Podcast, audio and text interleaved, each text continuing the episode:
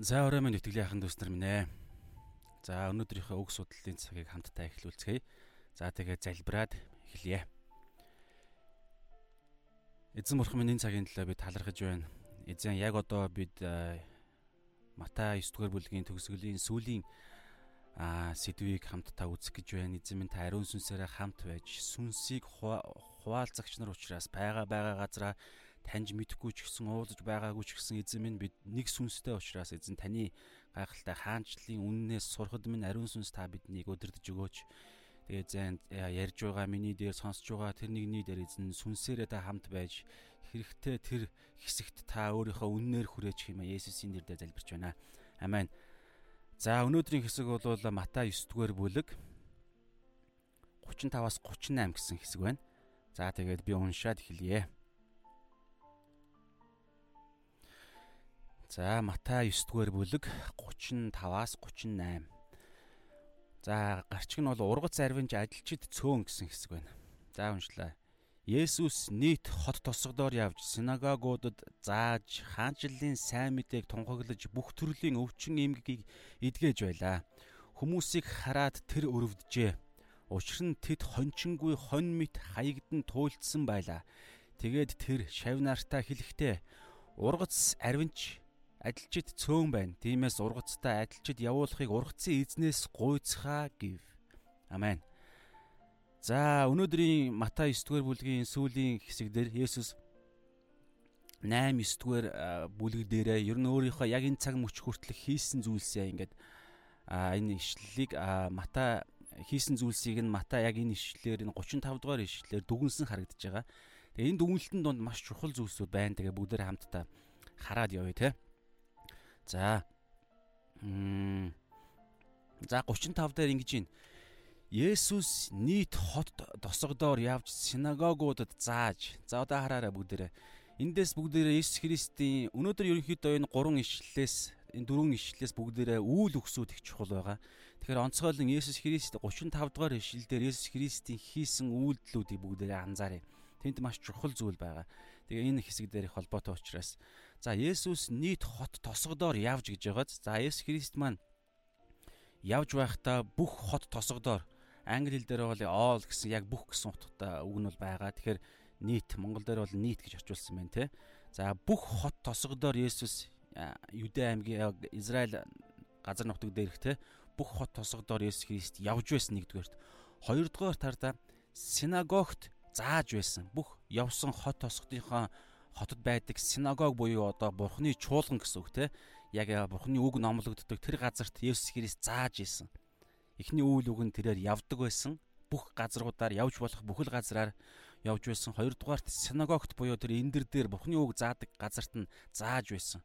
Гуравдугаар тардаа хаанчлалын сайн мэдээг тунхаглаж байсан. Англи үг нь болохоор preach гэдэг үг байгаа. Номлох гэсэн утгатай үг. За энэ дээр бас ярилцсан. За явдаг байсан, заадаг байсан, тунхаглаж тунхагладаг байсан. Тэгээ бүх өвчин шүү.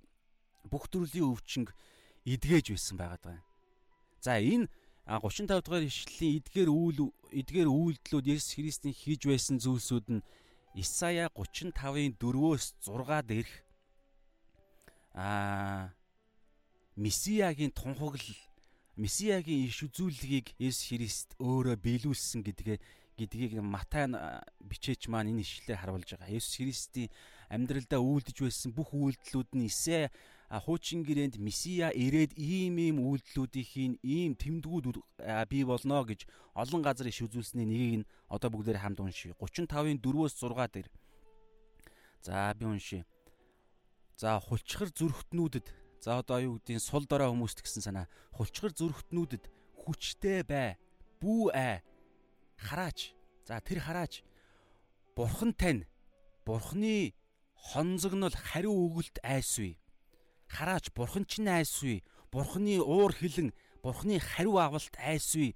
Ядарсан одоо сул дорой хүмүүсээ гэж. Тийм учраас битгий хүчтэй бай. Та нарын бурхан чинь та нарын бурханы чинь хонзогнол тэгээ та нарын бурханы та нарын төлөөх хариу авалт айсвэ гэж хэлж байна. Тэр ирж та нарыг аварна За одоо месиа гэлж байгаа шүү. Тэр ирж та нарыг авна гэж аварна. За одоо таваас За одоо Месиа ирэх үед би болох тэмдгүүдийг Исея, Исия те Исая одоо иш үзүүлсэн. Тэгэхэд түүнийг ирэхэд гэсэн үг шүү дээ. Сохрын нүд нээгдэж бид нар урд нь үтсэн те уншсан те энэ цаг одоо Матай 9-р 9:35 хүртэл Иесус Христ энэ Месиа ирэх үед хийгдэх хийгдэнэ гэж амласан тэр тэмдгүүдийг хэрхэн биелүүлж байсан талаар те сохорд хараа одоо энэ дэр бүгд биелсэн. Тэгэхэд сохрын нүд нээгдэж дүлигийн чих онгойн Тэр үед доголно нь бууган мэт дүүл дүүлж хилгүй нь баяртайгаар хашгирна. Учир нь цөлөөс ус гарч хардаа цөлөөс ус гарна гэдэг чинь боломжгүй шүү дээ. Ийм гайхамшигтай ер бусын зүйл болно. Месияг ирэх үед ийм тэмдэг болно гэдгийг Исия иш үзүүлсэн. Учир нь цөлөөс ус гарч эзгүй талд урснаа гэж. За энэ Месиягийн ирэх ирэх үед бий болохын тэмдгийг Есүс Христ амьдарч байх хугацаанд хийсэн. Есүс Христ бүхий л харь үндэстнүүдээр хүртэл явсан Декаполис гэдэг Галил нуурыг гатлаад харь үндэстнүүдийн 10 хот байрладаг Декапол мужид очиж бас те гайхамшигддаг. Одоо хойшлоо ч гэсэн 10 12 дугаар бүлгүүдээр бас гарна. Тэгэхээр Есүс Христ бүх тосгод хотуудаар явдаг байсан. Тэгээд синагогт заадаг байсан. Заадаг байсан. Тэгээд хаанчлалын сайн мэдээг Иремья дээр хэлсэн тэр хуучин гэрээнд байсан тэр Мосетэй байгуулсан те Мосегоор дамжуулан Израиль ард түмэнтэй байгуулсан Авраам, Исаак, Яаков те Давид гээд эдгээр хүмүүсүүдээр дамжуулан тэр Израильчуудтай байгуулсан тэр хуучин гэрээний гэрээнээс илүү өөр шин мөнхөд тогтох тэр гайхалтай гэрээ буюу хаанчлалын сайн мэдээг те Есүсээр Месиягаар дамжуулан хийх хийнэ гэж а иш үзүүлсэн тэр нь бас биелсэн гэдгийг Есүс Христ тунхагласан. Тэгээд саяны ярьсан бүх төрлийн өвчин эмгэгүүдийг Есүс Христ эдгээсэн байгаа юм. За энэ дээрээс за бүгдээрээ хардаа 36, 37, 38 дээр одоо харах юм бол ийм санаа гарч ирж байна.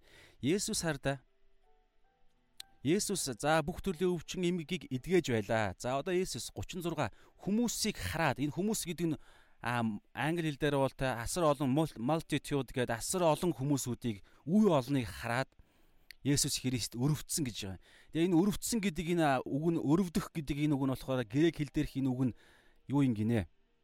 Аа уншихад ах хэцүү ийм нэг үг байдаг гинэ. Би ингээд судалж байхад уншихад их хэцүү. Splagchinizoma ч гинэ үү? Май май ч гинэ. Splagchinizoma мэдхгүй энэ уншихад их хэцүү. Тэгээ энэ үг нь шүү дээ. Ямар үг вэ гэхлээрэ өрөвдөх өрөвдөх те одоо өрөвдөх өршөөх гэсэн тэр өрөвдөх тэг гисэн тэр одоо энэ хүний энэ сэтгэл зүйн тэ сэтгэл санааны нэг юм илэрхийл үйлдэл штэ энэний байж болох хамгийн одоо хэтрүүлж тэ хамгийн туулийн тийм а химжээ химжүүрээр илэрхийлэгдэж болох үг гинэ. Асар их өрөвдсөн гэсэн үг. Бүр зүрхнийхаа гүнээс бүр сүнсээрээ бүр одоо бүр одоо бүр ходноо ходоодноосоо гэдэг юм уу те бүр хамаг зүйлсээрээ өрөвдсөн гэсэн тийм одоо хим химнэлт хэлэгддэг грек грек үг гинэ. Тэгэхээр Матай маань яг ийм үгийг илэрхийлж Есүс Христийн тэр үе олныг хараад өрөвдсөн гэдгийг илэрхийлсэн байгаа байхгүй юу. За энэ их чухал. Тэгэхээр хүмүүсийг асар олныг Есүс Христ хараад асар ихээр өрөвдсөн, бүх зүйлээр өрөвдсөн. Одоо яагаад ингэж өрөвдөж байгаа вэ гэхээр тэд хончингүй хон мэт хаягдан гэж байгаа. Тарж бутран англи хэл дээр ч гэсэн тарж угаасаа а хонь өөрөө хончноосоо салхаараа а салхаараа тарж бутрахаараа л хаягдсан мэт болно шүү дээ тий эзэн хончин одоо тэр хоныг хариулж байгаа хамгаалж байгаа хариулж хоолж байгаа тэр нэгнээс салаад салах үед тарж бутрах үедээ л хаягдна гэсэн ойлголт байгаа шүү дээ. Тэгэхээр а хончингүй хонь мэт хаягдан тарж бутран тэгээ туйлж туйлдж ядран тэгээ зовж зүдэрсэн байсан гэж байгаа байхгүй энэ туйлдан ядарсан тэгээ хаягдан бутарсан тэгээ хончингүү хонь мэт тэр олон хүмүүсүүд тэгж харагдсан Иесус Христийн нүдэнд тэр сүнсээрээ өрөвдсөн учраас тэр сүнслэг одоо тэр хараагаараа те мах бод сүнс сэтгэл бүх зүйлээрээ тийм өрөвдөлтөй харагдсан учраас Иесус Христ ч гэсэн тийм байдлаар хариу үйлдэл хийсэн байгаад байгаа. Тэгээд шав нартаа хэлж штэ. Тэгээд тэр шав нартаа хэлэхдээ ургац зарвинч одоо харж байна асар олон энэ хүмүүсийг гэдэг нь англи хэл дээр бол multitude гэдэг асар олон хүмүүсүүд байгаад байгаа шүү дээ. Тэгээ бүгд хончингүү аврал ирсэн те сүн сэтгэл биеэрээ одоо энэ дэр те хаягдан бүд бутарч туйлдан ядарсан ийм хүмүүсийг хараад нөгөө ургац ургац асар ихээр тариан талбай дээр асар ихээр ургац хураалтанд бэлэн болсон байна гэсэн санаа гэж хэлж штэ тий. Ургац ургац арвин байна. Харин ургацыг хураагч хүмүүсүүд цөөхөн байна. Тиймээс та нар дагалдагч нартай хандж хэлж байгаа ш тий. Тиймээс та нар энэ ургац хураах адилчдыг ургацын эзнээс эзэн минь та өөрийнхөө нь ургац хураах энэ аж одоо энэ үйл явдалтаа та ургац хураагч нарыг илгээгэж гэж та нар залбираа гэдэг юм хэлсэн. Тэгэхээр би эндээс эхний ишлэл дээр хардаа их чухал зүйлийг би буцаж очих гээд байгаа юм. Яагаад энэ хамааралтай учраас тэр нь юу гэхээр ингээд судалж олж мэдсэн зүйлээсээ би байнга ярьдаг шүү. Тэгээ яг би одоо зөвхөн өөрөөсөө нэг хүний ихээс илүүгээр а энэ тэндээс сулж судалж олж мэдсэн аль болохтэй баталгаатай а судлал хийх зорилгоор би ингэж энэ тэндээс багахан англи хэлээ ашигладаг учраас та бүгд маань яг а яг зарим зүйлс нь мэдээж надаас байгаа учраас шат шалгах хэрэгтэй. Гэхдээ а яг одоо батлагдсан энэ тэндээс олж мэдсэн зүйлээ ярьж байгаа учраас зарим зүйлс нь яг гарцааг байгаа. Тэгээд яг ариун сүнстэй нэгэн байгаа бол ер нь а мэдэрдэг те яг үннийг ярьж байгаа хэн байх нь хамаагүй хинээрч байсан хамаагүй тэр нэгэн үннийг ярих бол ярих үед ариун сүнстэй хүн бол яг ариун сүнсний үнэнг сүнсээрээ мэдэрдэг учраас Аа би найдвартай байна. За тэгээ бүгдээрээ харъя. Энд дээр хардаа 37, 36, 37 дээр нэг Есүс Христ ийм ярьж байгаа хэвээр асар олон хүмүүсүүд байна. Асар олон хүмүүсүүдийг Есүс Христ хараад өрөвдсөн байгаа. Шалтгаан нь юу гэхээр тэд хончингүү харагдаж байгаа. Хончин гэдэг үг. Одоо энэ үгэн дээр бүгдээрээ тогтож ярих гэдэг. Хончин. Хончингүү байсан учраас аа бүгд хончингүү, эзэнгүү, хонин сүрэг шиг тарж бутарсан байгаа даа. Тэгээд тарж бутарснаас үүдж байгаа үр дүн юу гэхээр туйлдж ядарсан. Тэ одоо энэ дээр ишлэлээр байна шүү дээ. Тэд туйлдж ядарсан байсан учраас тэднийг хараад өвдсөн. Тэгээд дагалдагч нартаа а тэр туйлдж ядарсан, тарж бутарсан хонин сүрэгт юу хэрэгтэй вэ? Хончин хэрэгтэй байгаа байхгүй юу? Тэр нь бол Есүс Христ энэ дээр нөгөө нэг яг одоо хаанчлалын үг илэрхийлэлэр бол тий ургац арвин байна. Ургацыг хураах хураагч нар байхгүй байна буюу хончтыг хэлээд байгаа байхгүй юу?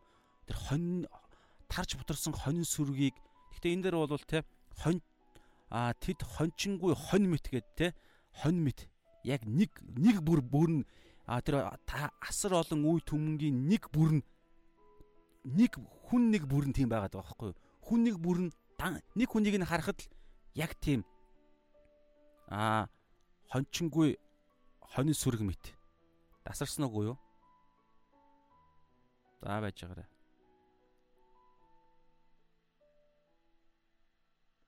тасарсан бол манайхан хэлээрэ гайг байхаа тий. За Аа тэгээд бүгдээр одоо эндээс хончин гэдэг санаан дээр бүгдээр харъя. Эргээд 35 дугаар ишлэл дээр Есүс Христийн аа үйлчлсэн тэр хийсэн зүйлс дээр нэг хідэн зүйл байна штэ. Тэрийг бүгдээр уншия.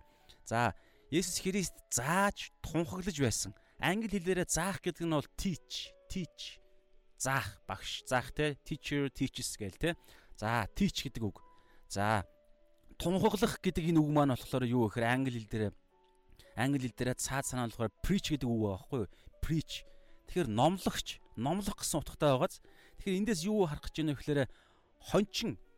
За хончин Эфес дээр байна шүү дээ те. Эфес аа бүгдээрээ Эфес 4-ийн 11 дээр шүү дээ те. Ийм санаа байгаа.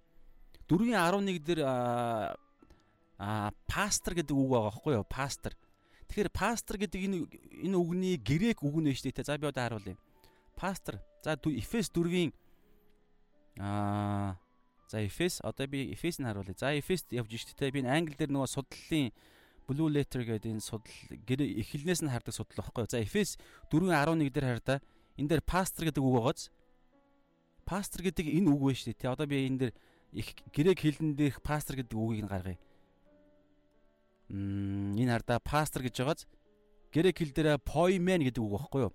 Тэгэхээр одоо энийг та анзаарчаарай. Эфес 4:11 дээрх одоо 5 5 талд үйлчлэл гээл бид нар мэддэг штеп. Тэрний одоо нэг нэг нь буюу пастрын үйлчлэл гэдэг санаан дээрх үг багхгүй юу. Пастор гэдэг энэ үг нь болохоор грек хэл дээр англичууд монголчууд пастор гэж орчуулсан болохоос биш грек хэл дээр ийм үг байна. Ийм үг байна гэсэн үг. А Матай Эфес те Паул бичгтээ бол poimen гэдэг үг багхгүй юу. Тэгэнгүүт л одоо энэ дээр хардаа өнөөдрийн бидний үзэж байгаа Матай 9:35 дээр 36 дээр тэд хончингүй гэдэг хончин гэдэг үг үг байгааз хончингүй хонин сүрэг. Тэгэхээр хончин гэдэг үгийг бүгдээрээ дахиад грек хэлнийх нь эхлэлнээс нь харъя. Shepherd shepherd гэж байгааз те адилхан поимен гэдэг үг байхгүй юу? Яг Стронгийнх нь юу бол G грек те грек гэсэн үг шүү дээ. Грек 4166. Эфес 4:11 дээрх пастор гэдэг үг 4166 адилхан поимен поимен. Тэгэхээр хараа пастор гэдэг энэ үг чи өөрөө хончин гэсэн санаа байхгүй юу? Одоо хуучин гэрээнд бол Давидыг хончин Давид гэж байгаа шүү дээ. Тэгэхээр хэрүү хуучин гэрээ чинь еврей хэл дээр бичигдсэн бичигдсэн. Тэгээд хэрүү грек хэл дээр орчуулдаг ч юм одоо жишээ нь Septuagint Septuagint гэж байгаа. Яг тэрэн дээр тийм байна л гэсэн үг. Давидыг бол яг Poimen буюу Poimen Давид гэсэн санаагаар яг одоо хончин пастор Давид гэсэн. Тэгэхээр эндээс бүгдээр юу гарах гээд байна вэ гэхээр Матай 5:9-ийн 35 дээр ингэж байгаа штэ. Аа зааж тунхаглах гэдэг үг. Өнөөдөр чуулганд нэгүслийн цаг үед бид нар амьдарч байгаа те. Есүс Христийн одоо байгуулсан энэ чуулганд хончид гэж байгаа те. Есүс Христ одоо тэр хонин сүргийг харгалзаж хонин сүргийг хонин сүргийг те ингээд өдөрдөн Есүс Христтэй холбодог, зуучилдаг, заадаг, чиглүүлдэг, те хамгаалдаг, хоолдог. Тэр хончин маань өөрөө пастор гэхгүй юу? Тэгэхээр яг юу хэллээрээ грек хэллэгээрээ бол нэг үг байгаа зү поимен гэсэн үг. Хончин пастор гэдэг чинь хоёулаа нэг л үг гэсэн үг. Нэг үүрэг ройд гэсэн үг. Тэгэхээр хараа ингэж байгаа а Христийн чуулганд номлодог пасторуудыг пасторууд байгаа шүү дээ тий хончд гэсэн үг. Тэгэхээр тэр хонч Христийн чуулганд хончилдог, Христийн чуулганд заадаг, удирддаг пастор маань Бурхны үгийг, үннийг, бичээсийг заадгүй, номлодгүй энэ хоёрт ялгаа байгаа юу гэдэг дээр судлахад судлахад олж мэдсэн зүйл байгаа байхгүй юу. Тэгэхээр юу вэ гэхээр өнөөдрийн энэ үгэн дээр байгаа. Матай 9-ийн бидний өнөөдрийн энэ үзэж байгаа хамгийн ихний ишлэл дээр Матай 9-ийн 35 дээр Есүс Христийн хийсэн зүйлсүүд дээр тусдаагаар бичсэн байгаа байхгүй. Энд бүгдээрээ харъя. Есүс нийт хот тосготоор явж за энэ яг Есүс Христ ингээд явдаг одоо хүм явсан тий явж байга газарт нь очиж гимтнүүдийн байга газарт нь өөрөө биеэр очиж Тэгээс синагогуудад нь зааж одоо эндээс хар да синагогууд синагог буюу тэр чуулганд нь заах тийч энийг болохоор хар да яаж ийнэ гэхээр а номлохоос тусдаа үзэж байгаа байхгүй юу? Одоо энэ дээр энэ тунхаглах гэдэг энэ монгол орчуулга боловч яг англи үг дээрээ preach гэж байгаа. Тэгэхээр энийг би ингээд юунаас нь толноос харахад ардаа preach гэдэг энэ үгийг а preach гэдэг энэ англи үгийг монгол хэл рүү орчуулахад номлох гэж орчуулж болно. Тунхаглах гэж орчуулж болно. Зарлах грек хэлэн дээр ч гэсэн ялгаа байхгүй. А зарлах, уриалах, урамшуулах, тунхаглах тэ а номлох ингээд зарлан тунхаглах гэсэн утгатай үг байхгүй юу. Тэгэхээр энийг вэжтэй те ер нь Библиэлд ихэвчлэн ихэвчлэн нэг үгтэй нэг зүйлийг л зарлах, нэг зүйлийг л тунхаглах, нэг зүйлийг л а нэг зүйлээр л нэг зүйлийг л уриалах, нэг зүйлээр л тухайн хүнийг урамшуулах, босгон барьж байгуулах, ингээд зарлах гэсэн ийм зорилгоор энэ үйл үг нь хэрэглэгддэг. Тэр нь юу гэхээр хаанчлалын сайн мэдээг. Өнөөдөр ч гэсэн энэ дээр 35 дараа байгаа шүү дээ. Есүс нийт хот тосгодоор явж синагогт нь зааж байсан таслал. Заах гэдэг нь тустай. Таслал. Тэгээд хаанчлалын сайн мэдээг тунхаглаж байлаа. Тэгэхээр тунхаглах гэдэг энэ номлох, номлох, тунхаглах, зарлах, уриалах буюу энэ preach гэдэг энэ үг чинь ихэвчлэн Библиэлд бол ингээд олж мэтгэхэд бол ихэвчлэн бүгд биш ч гэсэн ихэвчлэн байнга сайн мэдээг л сайн мэдээг амнаасаа гаргаж байгаа тэр үйлдэлийг л тунхаглах гэж байгаа байхгүй юу? Заах биш, тийч биш. Одоо энэ дээр гэхдээ харин заах гэдэг тохиолдол нь бас байгаа. Тэгээд энэ дээр хараа аа заах гэдэг нь болохоор тийч одоо энэ дээрээ синагогуудад зааж гэж байгаа нь болохоор тийч гэдэг үйл үйлдэл байхгүй юу? Энийг яагаад ингэж ярьж байна вэ гэхээр Христ итгэлийн амьдралд энэ хоёр тусдаа үйлдэл хоёр тусдаа хэрэгцээ гэсэн үг. Хоёр тусдаа талбар гэсэн үг байхгүй юу? нэг зүйлийн бидний одоо тэр ариусгалын процесс гэдэг юм бидний одоо энэ төлөвшж байгаа энэ процесс дунд чинь хоёр тус хоёр тусдаа гэхээс илүүгээр нэг зүйлийн хоёр тал гэдэг юм уу? Хоёуланд нь анхаарал тавих хэрэгтэй чуулганд ч гэсэн хувь хүнд ч гэсэн ялгаа байхгүй хоёуланд нь анхаарал тавих хэрэгтэй хэрэгцээ гэсэн үг. Тэгээд энэ заах одоо энэ синагогуудад заах гэж байгаа энэ заах гэдэг энэ үг нь болохоор тийч гэдгийг тэ одоо ингэ орчуулах юм бол заавар өгөх мэдээлэл өгөх зааварчлах маш нөгөө нэг юм практик тал руугаа. Одоо жишээ нь те ямар нэгэн тийм мэрэгжлийн одоо хиллэг дээр мэрэгжлийн талбар дээр бол те одоо жишээ нь компьютерийг задлаад а энд нь ийм ордын компьютерд компьютер анх гэж байгаа юм бол те компьютерд keyboard гэж байдаг те дэлгэц гэж байгаа процессор гэж байгаа хулган гэж байгаа тэгээд ингэн тэг нь а ингэн тэгин тэгээ интернет орохын тулд интернет нь тийм байх хэвээр лам ман холбогдно гэд ингээд хамаг нарийн юм ингээд яг одоо тэр цаад хэрхэн ажилдаг тэр зарчим процессыг нь зааж өгж байгаа нэг хүн байгаад байгаа сте. Энэ яг ийм хэрэгцээний үед ийм талбар дээр хэрэглэгддэг үг байхгүй юу? Заах гэдэг нь. Тэгэхээр Есүс Христ хот тосгодоор явж үннүүдийг хаанчлалын зарчмуудыг хаанчлалын үннүүдийг заадаг байсан. Тэгээд хаанчлалын сайн мэдээг бас тунхагладаг байсан, номлодог байсан гэсэн. Тэгэхээр өнөөдөр чуулганд энэ хоёр хэрэгцээ хоёулаа байгаа.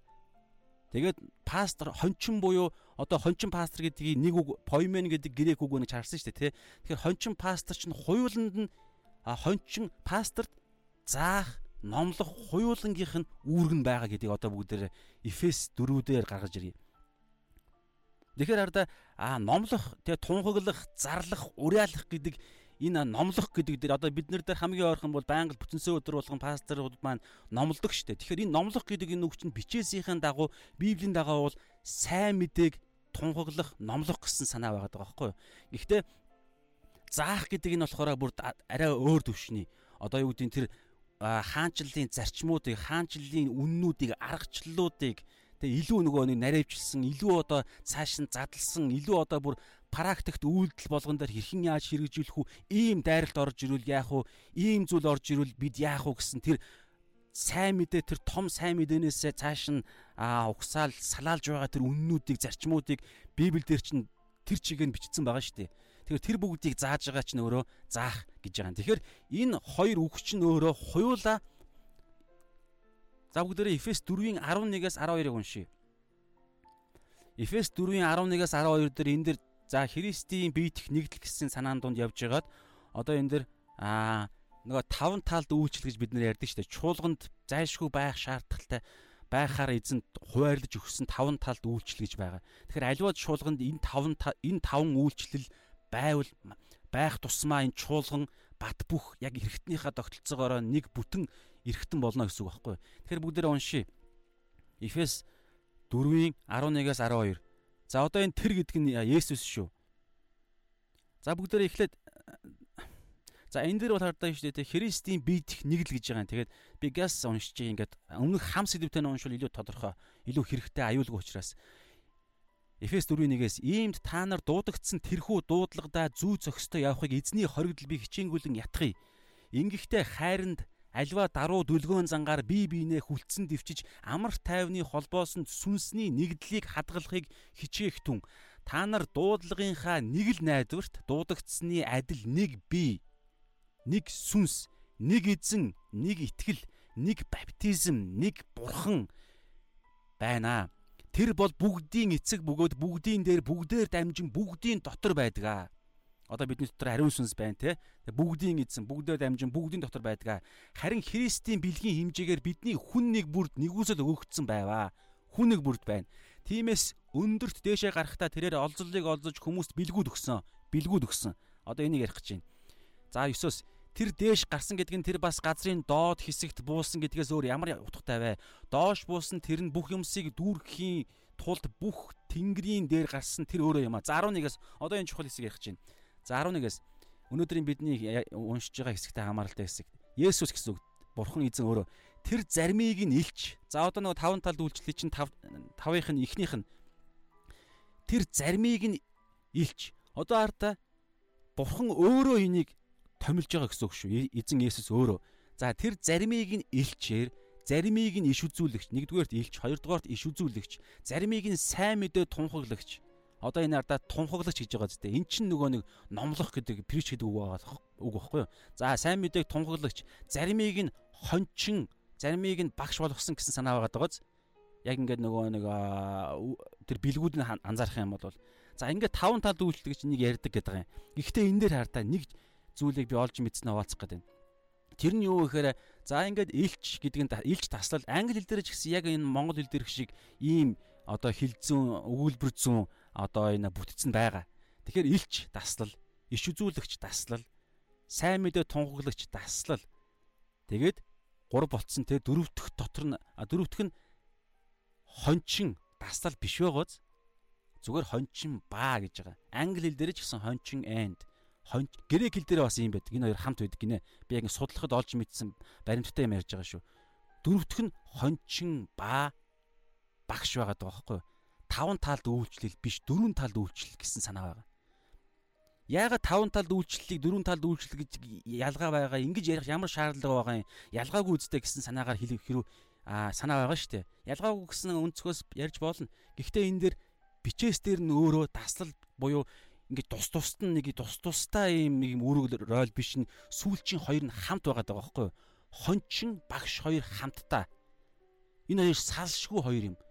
Хончин гэдэг чинь поимен гэдэг грек үг чинь хончин гэж орчуулсан Эфес 4:11 дээр пастор гэж орчуулсан те англи монгол хэлэнд те бусад хэлнүүд ч гэсэн тэгж байгаа. Тэгэхээр хар та өнөө өнөөгийн альва энэ дэлхий дээр Христийн байгуулсан чуулганы одоо энэ чинь Эфес гэх те а тэр чуулганд хандж байгаа энэ энэ үг шүү дээ те. Тэгэхээр одоо энэ дээр хараа чуулганыг төлөөлж Есүс эд хонин сүргийг эзэн бол Есүс. Харин бид төлөөлж хоныг хариулж байгаа хончид бид нар бол ямар үүрэгтэй вэ гэхлээрэ ийм хоёр үүрэг байгаа байхгүй юу? Нэгдүгээрт нь яг энэ Матай 9-ийн 35 дээр Есүсийн Есүс чинь ганц хүн шүү дээ. Тэгэхээр Есүс чи өөрөө тэрүүн дээд тэрүүн хончин. Тэгэхээр тэрүүн хончин өөрөө энэ хоёрыг хамт хийжсэн байгаа зү. Есүс Христ өөрөө явж байсан зааж исэн, тунхаглаж исэн буюу номлож исэн англи хэлэн дээрээ preach. Тэгэхээр энэ дээр бол хардаа заах номлох хоёрыг Эфес 4:11 дээр тустай юм шиг бичээгүй байгаа байхгүй юу? Хончин ба багш гэж байгаа юм. Тэгэхээр хончин ба багш хоёр чинь нэг юмний хоёр тал. Тийм учраас чуулганыг удирдах байгаа пасторууд хуйлангийнх нь үүрэгтэй. Нэгдүгээрт. Хуйлангийн хийх заавал хуйлангийн хийх ёстой. Энийг би дахиад нэг зүйлээр бас олж мэдсэн ишил байна. За, нэгдүгээр Тимот 3-ын 1-ээс 2 дээр хардаа маш чухал зүйл байгаа. Нэгдүгээр Тимот 3-ын 1-ээс 2 дээр. За, одоо энэ дээр хардаа аа Тимот хэлж гин. Харгалзагч ин харгалзагч гэдэг энэ үг чинь өөрөө аа ахлагч, пастор гэсэн санаа байхгүй юу? Адилхан адилхан утгатай Библиэд хэрэглэгддэг үгнүүд. Харгалзагч, ахлагч, пастор, хончин гэсэн адилхан утгатай үгнүүд багхгүй юу? Нэг санаа гэсэн үг. За бүгдээр уншия. Энэ энэ бол итгэмжт үгэ. Хэрв хэн нэгэн харгалзагч харгалзагч болохыг хүсвэл англи хэл дээр overseer бас бүр King James дээр bishop гэдэг үг байгаа байхгүй юу? Яг нь King James нөгөө нэг католикийн үед бас баявчигдсан болохоор bishop гэдэг үг overseer гэдэг үг байгаа. Илүү наан орчуулсан, сүүлд орчуулсан үгээр бол тэг харгалзагч. Тэгээд харгалзагч, elder буюу ахлагч, тэ Тэгээд тэр пастор гэсэн санаа нэг утгатай нэг үүргэрэл гэсэн үг. Тэгэхээр хэрв хин нэг нь харгалзагч болохыг хүсвэл тэр сайн ажил хүсэж байна. Тимээс харгалзагч нь. За одоо эндээс хардаа маш чухал юм ба. За энэ дунд нэг чухал юм байгаа. Өнөөдрийн бидний үзэж байгаа хэсэгтэй хамааралтай. За харгалзагч нь өө сэвгүй нэг их нэрийн нөхөр бие барьдаг хэрсүү хүндтгсэн а хүндэт гихтсэн зочломтгой ба заах чадвартай гэж байгаа зү. Харгалзагч буюу пастор нь гэсэн үг багхгүй юу? Өнөөдөр альва ямар ч чуулганы пастор нь тэгээ энэ дээр хараа англи хэл дээр бол must must гэдэг дасал болгоных нь хамт явдаг учраас must teach одоо юу гэдгийг гэсэн санаа байгаа. Аа монгол хэл дээр бол бүр ингэ явж байгаа хамгийн сүүлд нь дөрөв дээр байна. байх ёстой гэж байгаа үстэй. Бүгдийг нь эхэлж үйл үйл үгнүүдийг нь дурдчаад хамгийн сүүлд нь санааныхаа төгсгөлд нь ёстой гэдгийг оруулж байгаа юм. Тэгэхээр хараа харгалзагч нь заах чадвартай байх ёстой байхгүй юу? Энэ Библийн дагуу пастор хүн болгон заавал заах чадвартай байх ёстой. За тэгэхээр ч нөө бид нар бүтэнсээ өдөр болгон заадаг штэ гэсэн санаа байж болно те. За тэгж харагдах харагдаж байгаа хүмүүс тэгж ойлгодог. Гэтэл энэ бие бичээс дээр ялгаатай байгаад байгаа байхгүй юу? Үгэн ч гэсэн грек үгэн ч гэсэн ялгаатай. Грек үгэн дээрээ одоо бичээсийн үгэн дээрээ заах гэдэг энэ үг чинь өөрөө instruct буюу тэр зааварчлах, заавар өгөх, мэдээлэл өгөх гэсэн санаа байгаа. А харин номлох гэдэг энэ үг чинь нөгөө ихэвчлэн ер нь байнга шахуу ихэвчлэн сайн мэдээ хаанчлалын сайн мэдээг л тунхаглах, зарлах, уриалах, хаанчлалын сайн мэдээгээр урамшуулах, босгон байгуулах, ятгах, тунхаглах гэсэн тэр байдалд л номлох гэдэг энэ үүрэг байгаа.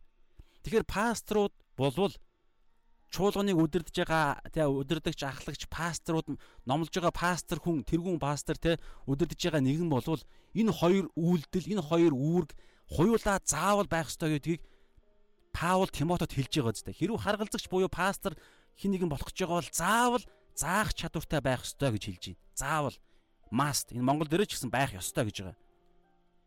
Тэгэхээр пастор хүн зүгээр л бүтэнсээ өдөр болгон зүгээр л одоо юу гэдгийг сайн мэдээ ч юм ингээл те номлодог хүмүүсүүдийг ятгадаг, урайлдаг, урайлдаг, зүгээр ингээд зарладаг тэгсэн мөртлөө заадаггүй болвол одоо асуудалтай гэдгийг хэлэх гээд байна. Энэ нь пасторууд дээр ч байгаа бас хувь хүмүүсүүд дээр ч гэсэн хамааралтай бас нэг хэсэг байгаа. За одоо бүгд энийг дахиад би энэ дээр баталсан олж мэдсэн зүйлс байгаа. Тэрний юу гэхээр сая 1-р Тимот 3-ын 1-ээс 2 дээр хэллээ шүү дээ. Харгалзагч нь буюу харгалзагч, пастор, ахлагч, тэр ээлдэр гэдэг байгаа пастор буюу тэр хончин гэдэг байгаа тэр нэгэн чинь өөрөө заавал заадаг байх ёстой. Заадаг бэлэг аваас Эфес 4-ийн 11-аас 12 дээр байгаа 5 талд үйлчлэл чинь 5 талд үйлчлэл бишээ. Дөрвөн талд үйлчлэл гэж байгаа байхгүй юу? Би энэ олж мэдсэн. Тэгээ би яг ариун сүнстэй бид нар ч гэсэн ариун сүнстэй учраас яг энэ дээр ариун сүнсээр холбогдож байгаа байхгүй юу? Англи бичээсэн дээрээ ч гэсэн Эфес дээр түрүү үзсэнтэй юу гэж байлаа? Тус тусдаа биш. Тэ? Хончин баа багш гэж байгаа байхгүй. Англи хэл дээрээ жалгаа байхгүй, грек хэлэн дээрээ жалгаа байхгүй. Бус дээр нь дасах даслал даслал буюу ангиж таван талд үйлчлэл мэт ингэж таван талд гэсэн хиллэг байхгүй шүү дээ. Зүгээр л Эфес дээр цаанаас одоо юу гэдэг нь чуулганы түүхэнд ч гэдэг юм уу, систем теологч гэдэг юм уу юугаар чинь гаргаж ирээд байгаа болохоос биш. Энэ зүгээр л нэг даслал нэг нэг даслалаас дараагийн даслалын хооронд байгаа нэг бэлэг авьяас нь дотроо хоёр чадварыг агуулж агуулж байгаа юм баггүй. Тэр нь юу гэхээр хончин буюу пастор, харгалзагч, ахлагч гэдэг байгаа. Тэр нэгэн чинь өөрөө хуйлаа байх ёстой. Библийн дагуу ариун сүнс тэгж хуваарлдаг. Тэгээ энэ хин нэгэн пастор болох гээд пастор болох дуудлага ирж байгаа бол заавал заах чадвар нь дагалдаж өгнө гэсэн үг. Заавал байгаа. Тэгэд энэ нь маш чухал хэрэгцээ байгаа байхгүй хүний амьдрал. За бүгдээрээ хоёрдугаар итгэгч хүний амьдрал. Хоёрдугаар Тимот 2-ын 2 дугаар Тимод 2-ын 2 дээр бас энэ санааг дахиад нэмж байгаа. Одоо энэ дээр хараа Паул Тимотед хэлж байна. Олон гэрч нарын өмнө надад одоо Тимотед хэлж байгаа шүү. Олон гэрч нарын өмнө Паул надаас сонссон зүйлсийг бусдад заах чадвартай гэж байгаа. Нөгөө хончинд хончин буюу пасторт байх ёстой чадвар нь энэ. Олон гэрч нарын өмнө надаас сонссон зүйлсийг бусдад заах чадвартай итгэмжит хүмүүст даатгаа гэж хэлж байгаа сте. Тэгэхээр хин хин нэгэн хүн хэрв пастрын пастор байхыг хүсэж байгаа бол заавал заах чадвартай байх ёстой. Бичээсийн дагуу тэгжиж хонин сүргээ хамгаалж хариулж чадна, хооллож чадна. Номлох гэдэг чинь байж тээ. Одоо энэ дээр хараа би бас олж мэдсэн юм байна. Номлох гэдэг чинь байж тээ. Бүх итгэгч нарын хийх үүрэг байхгүй юу? Номлох гэж нь монгол хэлэнд орчуулагдаад байгаа болохоос биш preach гэдэг энэ үг чинь сайн мэдээг тунхаглаж байгаа тэр бүх үйлдэлүүд чинь номлох гэж орчуулагдаад байгаа үйлдэл багхгүй юу? Сүнслэг ертөнцийн тэр аа үүрэг тэр үйлдэл чи өөрөө тунхаглах гэсэн санаа. Тийм учраас манай 2013 оны орчуулга дээр их зүү орчуулсан байгаа юм. Гэхдээ цаад юмыг нь бид нар номлох гэдгээр нь англи хэл дээр англи хэлний хоёр санаа байгаа боловч монголчууд орчуулагч нар маань тунхаглах гэж зүү орчуулсан байгаа боловч номлох гэсэн санаа цаана байгаад байгаа гэдгээс бид нар цааш нь ухаж пасторуудын бүтэнсээ өдөр болгон ч юм уу чуулган дээр номлодог номлол чинь номлож байгаа гэдэг тэр үйлдэл чинь сайн мэд яг номлох гэдэг одоо тэр хэлбрээр номлол нь хийгдэж байгаа бол тэр нь сайн мэдээ буюу Нямгаар Нямгаргийн чуулган болгон чинь босгон байгуулах тэр сайн мэдээгээр хүмүүсүүдийг барьж байгуулах, хамгаалах, урайлах, урамшуулах, тунхаглах, зарлах ингэж те босгон байгуулах гэсэн тийм санаа чинь номлох гэдэг үүрэг байхгүй. Энд чинь зөвхөн пасторт өөгцсөн үүрэг ойл биш. Итгэгч хүн болгонд итгэгч хүн болгон сайн мэдээ тунхаглах буюу сайн мэдээ номлох хоёр чинь үйл үг нь адилхан үг байхгүй preach гээд. Тэгэхээр сайн мэдээ номлох сайн сайхнаар амлалтаар үнгөө итгэлээр аврагдж байгаа тэр авралаар нэгүслийн сайн мэдээг тунхаглах номлох гэдэг энэ үүрэг ойл чинь хаанчлалын үнгөө аврагдсан итгэгч хүн болгоны хийх үүрэг нь зөвхөн пастор биш. Пастор харин ялгаа нь юу вэ гэхээр пастор буюу хончин хонин сүргийг хончилж байгаа тэр өдөрдөгч хүн зөвхөн номлодог байвал дутуу байна гэсэн. Хончин хүн түрүү Эфес а 1-р Тимот 3-1-аас 2 2-р Тимот 2-ын 2 дээр чинь харгалзагч хончин хүний хийх ёстой хамгийн ялгардаг гол зүйл нь юу вэ гэхээр заах чадвар байхгүй юу? Заавал заадаг байх ёстой багш гэдэг тусдаа нэг чуулганд юм байх юм биш. тэр багш чинь өөрөө хончин байхгүй юу? Пастор, хончин, багш гэдэг чинь ерөөсөө л тэр нэг л хүнний нэг л бэлэг авяас дагалдаж орж ирдэг чадварууд нь. А харин номлох гэдэг байгаа, сайн мэдээг номлох гэдэг байгаа тэр ойлголт чинь итгэгч хүн болгоны хийх ёстой үүрэг нь. За одоо эндээс цаашаа Дөрөв би ингээд хэлсэн шүү дээ те. Пастор гэдэг энэ үг мөн Эфес 4:11-ээс 11-аас 12 дугаар байгаа тэр таван талт гэж яриад байгаа чинь үнэндээ дөрвөн талт гэдгийг би сая ойлгосноо танд хуваалцлаа те. Би бас яг ингэж итгэж байна. Пастор хүн чинь ийм онцгой, ийм одоо гайхалтай бэлэг авьяасыг өгөхтөөр эрхэн өөхт ч гэсэн тэр юу ахгүй юу одоо тэр үүргөрөөл. Тийм учраас пастор болгон заавал заах чадвартай байх хэрэгтэй. Заавал тэгвэл заах чадвар гэж юу яриад байгаа юм те? Зүгээр л бүтэнсээ өдрийн номлолч нь тэгэл байдлахын зааж байгаа юм биш юм уу? Гэхээр ялгаа байгаад байгаа юм. Түрүүн би хэлсэн. Хүн болгон бүтэнсээ өдөр энэ дээр гараад номлодоггүй шүү дээ. Зөвхөн аа пастор, ахлагч нар л номлоно. Тэр бэлэг авяас тэр бэлэг өгөгдсөн чадвар гэхээс илүүгээр бэлэг гэж ярина шүү. Тэр чадвартай хүнийг эзэн сонгодог юм биш зүрх сэтгэл нь тэ одоо тэр бэлгэнд тохирохоор тэр нэгнийг ариун сүнс сүнслэг байдлаар өөрөө дууддаг. Одоо энэ дээр түрүү Эфестер ч гэсэн байсан шүү дээ. Нэг бие дотор та нарыг дуудсан дуудлагадаа та нар үнэнч байх гэж ярьж байгаа. Тэгээд нэг нэгэндээ ингэж те эргэтэн гэсэн санаагаар тэгэхээр чинь эзэн дууддаг. Тэгэхээр бид нар нэг юм одоо юу гэдэг бид нар ч юм уу өсгөө бол театр пасторууд ч гэдэг юм уу тэтгэр хүмүүс маань онцгой учраас тэд нар тийм байдал байгаа юм биш. Зүгээр эзэн тэд нарыг тэгж сонгосон учраас дуудсан учраас. За тэгэхээр хараа тэр дуудсан дуудагдсан тэр пастор гэдэг хүн чинь түрүүн бид нэг үг буюу грек хэл дээр поимен гэдэг үг байна гэж харсан шүү дээ. Пастор, Эфес дээрх пастор гэдэг үг, Матай 9-ийн бид нар өнөөдөр үзэж байгаа 35 дээр хончин гэдэг үг, а тэр хончин гэдэг илэрхийлэл чинь нэг л үг. Тэгэхээр хончин юу хийдэг вэ? Одоо энэс бүгдээрээ гаргаж ирэх гээд байгаа байхгүй юу? Хончин хүн хонио хариулахдаа юу хийдэг вүлээ? Хонин сүргээ хамгаалдаг За чонноос хамгаална, машин тэрэгнээс хамгаална, ан хавцлаа тий одоо ангал хавцлаас унахаас хамгаална, эсвэл төөрж явахаас хамгаална гэд хамгаалах гэдэг үйл процесс байгаа. Нэгдүгээрт, хоёрдугаарт хончин хонин сүргээ хоололдог тий. За ийм л хоёр үндсэн ойлголт санаа байгаа. За тэгэхээр хардаа эндээс ингээд холбож үзсэн хардаа хамгаалах гэдэг процесс нь сайн мэдээг тунхаглах, сайн мэдээг номлох гэсэн процесс байгаад байгаа байхгүй юу? Тэгэхээр хонь хонь хончин буюу пастор чинь хончин чинь өөрөө пастор учраас хончин чинь хонин сүргээ хамгаалдаг, хоололдог, хоёуланг нь хийдэг үстэй. Таван талт гэж хэлсэн учраас бид нэгийг нь э, тусдаа нэг хүн байх хэвээр хончин чинь зөвхөн хамгаалаад хооллог нь тусдаа хооллогч одоо тоогооч гэх юм уу юу гэх юм. Тийм нэг хүн хонин сүргийг дагаад явна гэж байхгүй үстэй. Хончин чинь хоёуланг нь хийн. Тэгэхээр тэр хоёр хоёр үйлдэл чинь бид нар итгэлийн амьдрал дээр юу гэж бууж байгаа гэхээр хончин буюу пастор харгалзагч нь ахлагч хончин ахлагч пастор гэдэг байгаа тэр хүн чинь хонин сүрэг буюу итгэгч нараа хамгаалдаг. Юугаар хамгаалах юм? Сайн мэдээгээр. Сайн мэдэл биднийг хамгаалдаг. Сайн мэдээний үннүүд биднийг хамгаалдаг. Сайн мэдээ чинь яагаад хамгаалт болж байгаа гэхээр сайн мэдээ биднээс үл хамаардаг байхгүй юу? Биднээс үл хамаар бид нар бузар, муу, одоо юу гэдгийг ямар сул талтай хідэн гим үйлдсэн гмийнхэн төвшин нь ямар байгаа маяга сатан хэр их дайрж байгаа марж байгаа тэрнээс үл хамааран итгэсэн л байх юм бол сайн мэдээ ямар ч хүмүүсүүдийг сайн мэдэн дотор бүгд нэг төлөв байдал шилждэг. Бүх хүмүүс өмнө нь хэн байгаа нь хамаа байхгүй нэг хүн нь одоо юу гэдгийг дөнгөж төрөөд нэг хитгэн за төр төрсөн хүүхдэр ч юу ярих вэ те? Одоо Есүс Христийн хажууд байгаа нөгөө нэг цовлогдоод те хажууд нь байж байгаа тэгээд итгээд шууд тэр дороо өнөөдөр чи надтай аав диваажинд очно гэсэн шүү дээ. Тэр нэгэн нэгнийг өөр одоо хинтээ харьцуулах юм. Аа асар зөвхт мэд харагддаг тэр нэгэн хүн амьдарж байгаад хоёулаа Есүс Христээр ирлээ гэж бодъё л доо. За одоо нэг нь аймар гим асар гим нүгэлтэй хүн нэг нь нэлээд одоо нийгмээрээ зөвхт гэж тодорхойлогдож өөрөө ч гэсэн зүвт амьдарж байгаа одоо гэр бүлийн боловсролч гэдэг юм уу мэдлэгээр маш зүвт амьдарж байгаа хүнч байсан хоёулаа сайн мэдэн итгэлээж бодъё л да. Хоёулаа гимтэн гэдгээ ойлгож ухаараад гимшээд сайн мэдэн итгэлээ. Тэгэнгүүт сүнслэг ертөнцид төлөв байдал нь хоёулаа нэг болдог байхгүй юу? Тийм учраас тэнд сайн мэдээ чинь өөрөө бүгдийг нь халахвч болдог.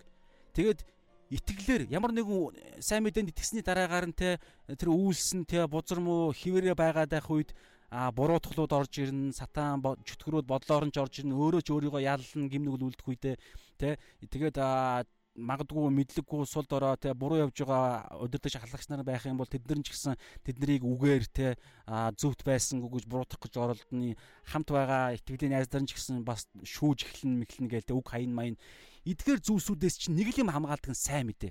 Яагаад вэ гэхээр сайн мэдэр чинь үйлсээр аврал чинь үйлсээр биш байхгүй юу? Би тэр зөвхөн авралыг анх хүнийг итгэлийн итгэгч болгож анх хүнийг тэр хүнийг хин нэгнийг бурхны охид хөвгүүдэж хаанчлал анх дөнгөж оруулдаг тэр хамгийн чухал зүйл чинь өөрөө сайн мэдээ чинь өөрөө ямар ч биднээс юм шаарддаг байхгүй юу? Бид авралд буюу сайн мэдээний тэр зүйлд бид юу ч хийх чадвар байхгүй, боломж байхгүй.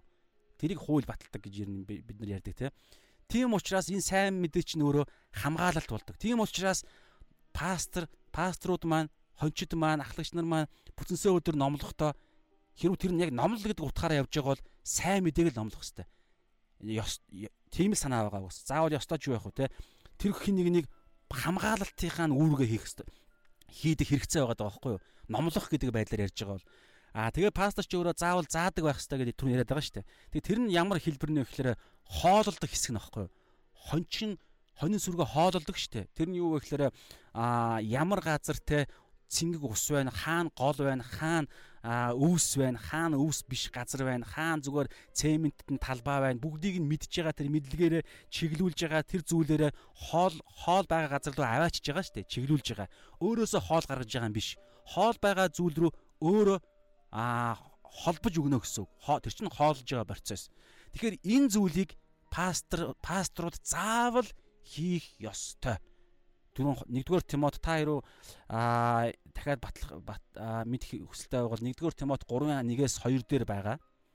Заашгүй харгалзагч нь заах чадвартай байх ёстой гэж байгаа. Хоёрдугаар Тимот 2:2 дээр байгаа. Заах чадвартай нэгэнд надаас сонссон Паул хэлж байгаа шүү дээ. Тимотод надаас сонссон буюу тэр шин гэрэний Паул ч 13 захидлыг бичсэн те. Тэгэхээр аа тэр Паулоор дамжуулан тэр одоо нөгөө заавар зөвлөгөөнүүдийг бүр практик дээр яах ёстой тэр заавар зөвлөгөөнүүдийг жинхэнэ хоолнууд чинь тэнд байгаа даа байхгүй? Тэр бор хоол гэдэг юм одоо юу гэж хэлмээр чимдээ тэр заавар хэрэгжүүлэхтэй холбогдлолтой тэр практик үннүүд чинь л өөрөө итгэгч нарыг хамгаалдаг байхгүй? Яг тулаанд орох үед. Тийм учраас тэрийг та нар тэр Тимотед хэлж чинь хин нэг нь даатгах гэж байгаа бол хин нэг нь дараагийн пастраа томилох гэж байгаа бол заавал заавал шүү Монгол ахын дүүс нар минь хэрвээ хин нэгэн одоо юу гэдэг удирдлагын төвшөнд байгаа магадгүй сонс таарж байгаа бол заавал заах чадвартай хүн л пастор болох ёстой. Тэгээ тэр хүн дээр чи угаасаа номлохын дагалдан тэр нь юу гэхээр сайн мэдээг сайн мэдээг тунхаглах тунхаглах сайн мэдээг зарлах сайн мэдээг уриалах сайн мэдээгээр урамшуулах босгон байгуулах чинь итгэвч хүн болгон дагалдах. Итгэвч хүн болгоны үүрэг байхгүй юу? Тийм учраас тэр нь угаасаа байгаа. Тэгээ дээр нэмээд ялгаатай нь пасторуудын ялгаатай нь заадгал байх хэрэгтэй хамгийн гол нь. Тэр нь бас нэг нэмэлт ариун сүнсний бэлэг авьяас байхгүй юу? Хүн болгон заах чадвартай биш Харин пастор бол пастораар яг бурхан дуудаж байгаа бол тэр хүн зайлшгүй заах чадвартай байгаа. За тэгээд энэ хоолох гэж яриад байгаа. За энэ дээр бүгдээр нэг жоохон нэг жишээ яриад байгаа. Аа за энийг их яриад байгаа. Одоо энэ хоолох гэдэг нь юугаар хоолох юм дэгвэл өнөөдөр пасторууд, хончид маань, пасторууд маань юугаар хоолох гэдэг юм хэр хаанчлалын үннийг за хамгаалах тэр хамгаалах буюу тэр номлох хамгаалах тэр та нар үнэхээр бат бөх хамгаалагдсан. Та нарын аврал хизээч тэ одоо буцаагдахгүй бид нар гим нүгэл үлдэж байгаа ч гэсэн бид гимшлэр ирэх болгондоо бид ариун тэр угаасаа гимшлэр л ирдэг сайн мэдэн штэ. Тэгэхээр тэр үргэлжлүүлэн тэр гайхалтай аврал дотроо явах мох гэх тэр нэг юм хамгаалж байгаа үнэн рүү аваачж байгаа процесс чинь өөрөө урамшуулж байгаа тунхаглаж байгаа номлож байгаа чинь тэр байхгүй юу? Номлох гэдэг чинь. Харин заах гэдэг байгаа ялгаатай тэр дараагийн төвшний юм чи юу гэхээр хаанчлалынхаа үнэн хаанчлалын зөндөө олон үнэн байгаа тэр Библи дээр бичээс дээр шин гинэн дээр зөндөө байгаа. Тэр бүгдийг ойлгож, ухаарч, задалж, хооронд нь холбож эн чинь нөгөө нэг заах чадвар гэдэг байгаа чинь. Ишлэл болгоныг өнөөдөр жишээ нь Мата одоо жишээ нь миний одоо хийгээд байгаа зүйл маань нэг талын заах зүйл нь яваад байгаа байхгүй яа хэлбэр нь. Яа хэр чадаж байгаа хэсгийг нь бол мэдээж өөр асуудал одоо тэ шалгах хүмүүс нь шалгана ариун сүнс ч гэсэн шалгана. Хамгийн гол нь ямар ч үсэн хэлбэр нь болохоор эн чинь заах хэлбэр. Юу гэхээр энэ ишлэлийг л задлаад байгаа зү. Энэ ишлэлийг задлж энэ ишлийн цаана ямар үнэн байна? Энэ ишлэл хэрэглэгдэж хэрэглэгдэж байгаа энэ үгсүүд хилцүүг ашиглаж бурхан Библийг өөрийнхөө үгийг хүний хэлээр бичсэн шүү дээ. Тэгэхээр хүнд ойлгогдож байгаа энэ монгол хэл. Тийм учраас орчуулгууд ч хүртэл ариун сүнсний онгодоор ариун сүнсний урам урам урам оруулалтаар бичигдэх тийм бас дуудлагатай байхгүй нэг тийм учраас маш чухал орчуулгууд бас тэгэхээр энэ бүгдийг бичээс дээр тулгуурлаад бичээсийн үннийг л цааш нь задлаад энэ сэдв дээрээ л юусаа чааш нь халихгүй байгаа даа зү энэ бичээс дээр юу вэ жишээ нь энэ дээр одоо юу гэдэг загалмаа би юусаа яриаггүй те яг энэ бичээс дээр чинь загалмай руу айхтар ороогүй. Гэхдээ орж болно. Хамгийн гол нь бичээс дээрээ тулгуурлаад тэгээд энийгээ цааш нь задлаад тэгээ зарчмыг гаргаад үннээс би цааш нь зарчмыг гаргаад тэгээд амьдрал дээр энэ зүйлсийг хэрхэн хэрэгжүүлэх үү? Та өнөөдөр ямар хүн бэ? Таны амьдралын талбар чинь ямар вэ? Тэгэхээр та өөрийнхөө онцлогтой ялгаатай амьдралын амьдралын талбар дээрээ өнөөдрийн энэ үгэн дээрх байгаа энэ үннээс гарч байгаа зарчмыг нь та өөрийнхөө амьдралынхаа тэр талбар дээрээ хэрэгжүүлэхийн тулд та ариун сүнстэйгээ ярилцаа та хоёр тохирох арга хэлбэрийг гаргах хэрэгтэй байхгүй? Тэгэхээр энэ болгон чи одоо жинхэнэ заалт гэсэн үг. Заалт. Эн чинь нөгөө нэг хооллолт хооллож байгаа процесс байхгүй юу? Процесс. Тэгэхээр энийг хүн болгон яг ийм байгаар дуудахтаагүй. Хүн болгон ийм байх албагүй гэдэг юм. Эн чинь болохоор яг тэр заах чадвартай буюу тэр нь ариун сүнснээс өөгдсөн тийм нэг юм төлөв байдал байгаад байгаа. Тэгснээр айхтар мундаг мэдхтэй гэхээс илүүгээр зүгээр л ариун сүнс тэгж хуваарлсан л гэсэн үг. Заримд нь заах, заримд нь ялгаатай. Гэх мэтчлэн ингээд хаанчлалын чуулганд хамрагдж байгаа хүн болгон чинь эргэтэнгүүд байхгүй юу? Хизээш нэгнийхээ дээр гарна гэсэн ойлголт байхгүй. Бүгд нийлээд нэг эргэтэн. Энэ хуруу эрхийн хуруу чинь долоовор хуруунасаа дунд хуруунасаа жижигхэн байгаа учраас дунд хуруун те жигчэн уруугаа те чи ямар арчаагүй юм бэ? Би бол өндөр харин чи бол жижигхэн штэ гэж би бинийгаа хэрэлдэж уруулж би бинийгаа дээр гарах гэж оролдохгүй штэ. Бүгд нэг энэ чигчийн ураа зүсэгдэх юм бол бүгд өвдөн. Эн чинь нэг байхгүй. Тийм учраас бид ямар нэгэн байдлаар та заа чадж байгаа нь заа заа чадахгүй байгаагийнхаа дээр гарна гэсэн юм байхгүй шүү. Гэхдээ тийм бодол орж ирж байна гэдэг чинь нөгөө тэмцэл тулаан байхгүй юу. Тэгэхээр ийм тэмцэл, ийм мэдрэмжинд хүртэл бид ялж цаана гарахын тулд бид ямар арга хэрэглэх вэ гэдгийг чинь хүртэл заах хэрэгтэй байгаа байхгүй пастор ахлагч нар өөрсдөө яаж вэ гэхээр яг л үгээрээ. Тэгээ эн чинь хардаа за одоо нэг жишээ байгаа. Номлох заах хоёрыг ялгааг нь гаргаж болж байгаа нэг жишээг би олж мэдсэн. Тэр нь юу гэхээр тэр нэг хүний Паул хинглээ тэр хүний пастрын хэлжсэн жишээ. Энэ яг гой таарсан жишээ. Юу гэхээр одоо спорт дээр энийг ажиглагддаг гинэ. Спорт дээр. За одоо жишээ нь ингээд цагсч бай, волейболч, хөлбөмбөгч бай ингээд волейбол ингээд альва зүйлс дундаа ингээд нэг юутай байдаг штэ амралтын хугацаатай байдаг штэ байраа солих ч юм уу эсвэл ингээд за хөл мөнгөн дээр бол 30 хэдэн минут лээ 30 минут лөө 15 минут ч илүү ингээд амардаг хугацаа байгаа. Ер нь альва юм болгон дээр амралт пауз тайм тайм аут авдаг хэсэг байдаг те. Тайм аут гээл а дасгалжуулагч нь авдаг. Эсвэл цаанаасаа хууль дүрмээр өгдөг. Тэгэхээр тэр хугацаанд хувц сольдог өрөөд өрөөндөө ч юм эсвэл тойр зогсож байгаад яригддаг яриа байгаа даа штэ тэр үед яадаг вэ гэхээр аа дасгалжуулагч нь нөгөө нэг яг талбар дээрээ тулалдж байгаа спортынхаа спортынхаа гişүүдтэй урам өгдөг те урам өгдөг урамшуулдаг тунхагладаг тэднийг босгон байгуулдаг а эрч хүчийг нэмдэг тийм одоо хувц сольдог өрөөний өрөө гэдэг тийм хиллэг хүртэл байд юм байна л да. Тийм юуны спортын хиллэгэнд ч гэсэн. Тэгэхээр тийм өрөөнд болдог үйл явдлууд чинь яг чуулганы үед Христ итгэлийн амьдрал дээрх болдог номлол байгаад байгаа байхгүй юу. Тэр нь яадаг вэ гэхээр ингэ за манай багийнхаа одоо тэг ялагдж байсан ч гэсэн заавал тех тех үүрэгтэй урамшуул нэг хүч оруулах хэрэгтэй зүгээрээ одоо дөнгөж тал талд нь явж гин ганц нэг оноогоор хожигдсан байсан ч гэсэн те. Зүгээрээ дөнгөж талдаа явж гин одоо та нар шин жинхэнэ ялж чадна. Та нарт ялна гэдэгт би итгэж гин та нар угаасаа ялна те. Одоо юу гэдэг та нарын чадвар хамаагүй илүү байна. Та нар бол те ядуу хороолоос гарч ирээд ийм төвшин өнөөдрийг хүртэл та нар ирсэн. Одоо юу гэж энэ тэд нар бол те та нар бол хоорондоо нэг нэгнийхээ төлөө амиа өгөхөдч билэн нэг гэр бүл болсон. Харин тэд нар бол одоо юу гэж ярих юм те? Тэгимэрхүү байдлаар ингэж урамшуулж байгаа. Одоо тэр нэг одоо юу гэдэг тэднийг ингээд нэг юм аа сайн эерэг талаар нь тэднийг ингэж нэгтгэж байгаа өстэй. Нэгтгэхэд урамшуулад, тунхаглаад, зарлж байгаа чинь өөрөө англи хэл дээр preach буюу номлох гэдэг гэдэг хэллэг байгаа байхгүй. Тэгэхээр эн чинь бол болохоор энэ спортын энэ үйл явдал чинь яг энэ төрөл нь болохоор бид зүүрлэлээр бол номлох гэдэгтэр таарж байгаа юм. Харин ийм дасгалжуулагч байлаа гэж та боддоо. Баян заяа тэмцээлийн үе тэмцээний үед ч биш. Дасгал сургуулийн үед ч гэсэн баян номлож идэг одоо бол бүтэнсээ өдөр болгон гэсэн үг шүү дээ.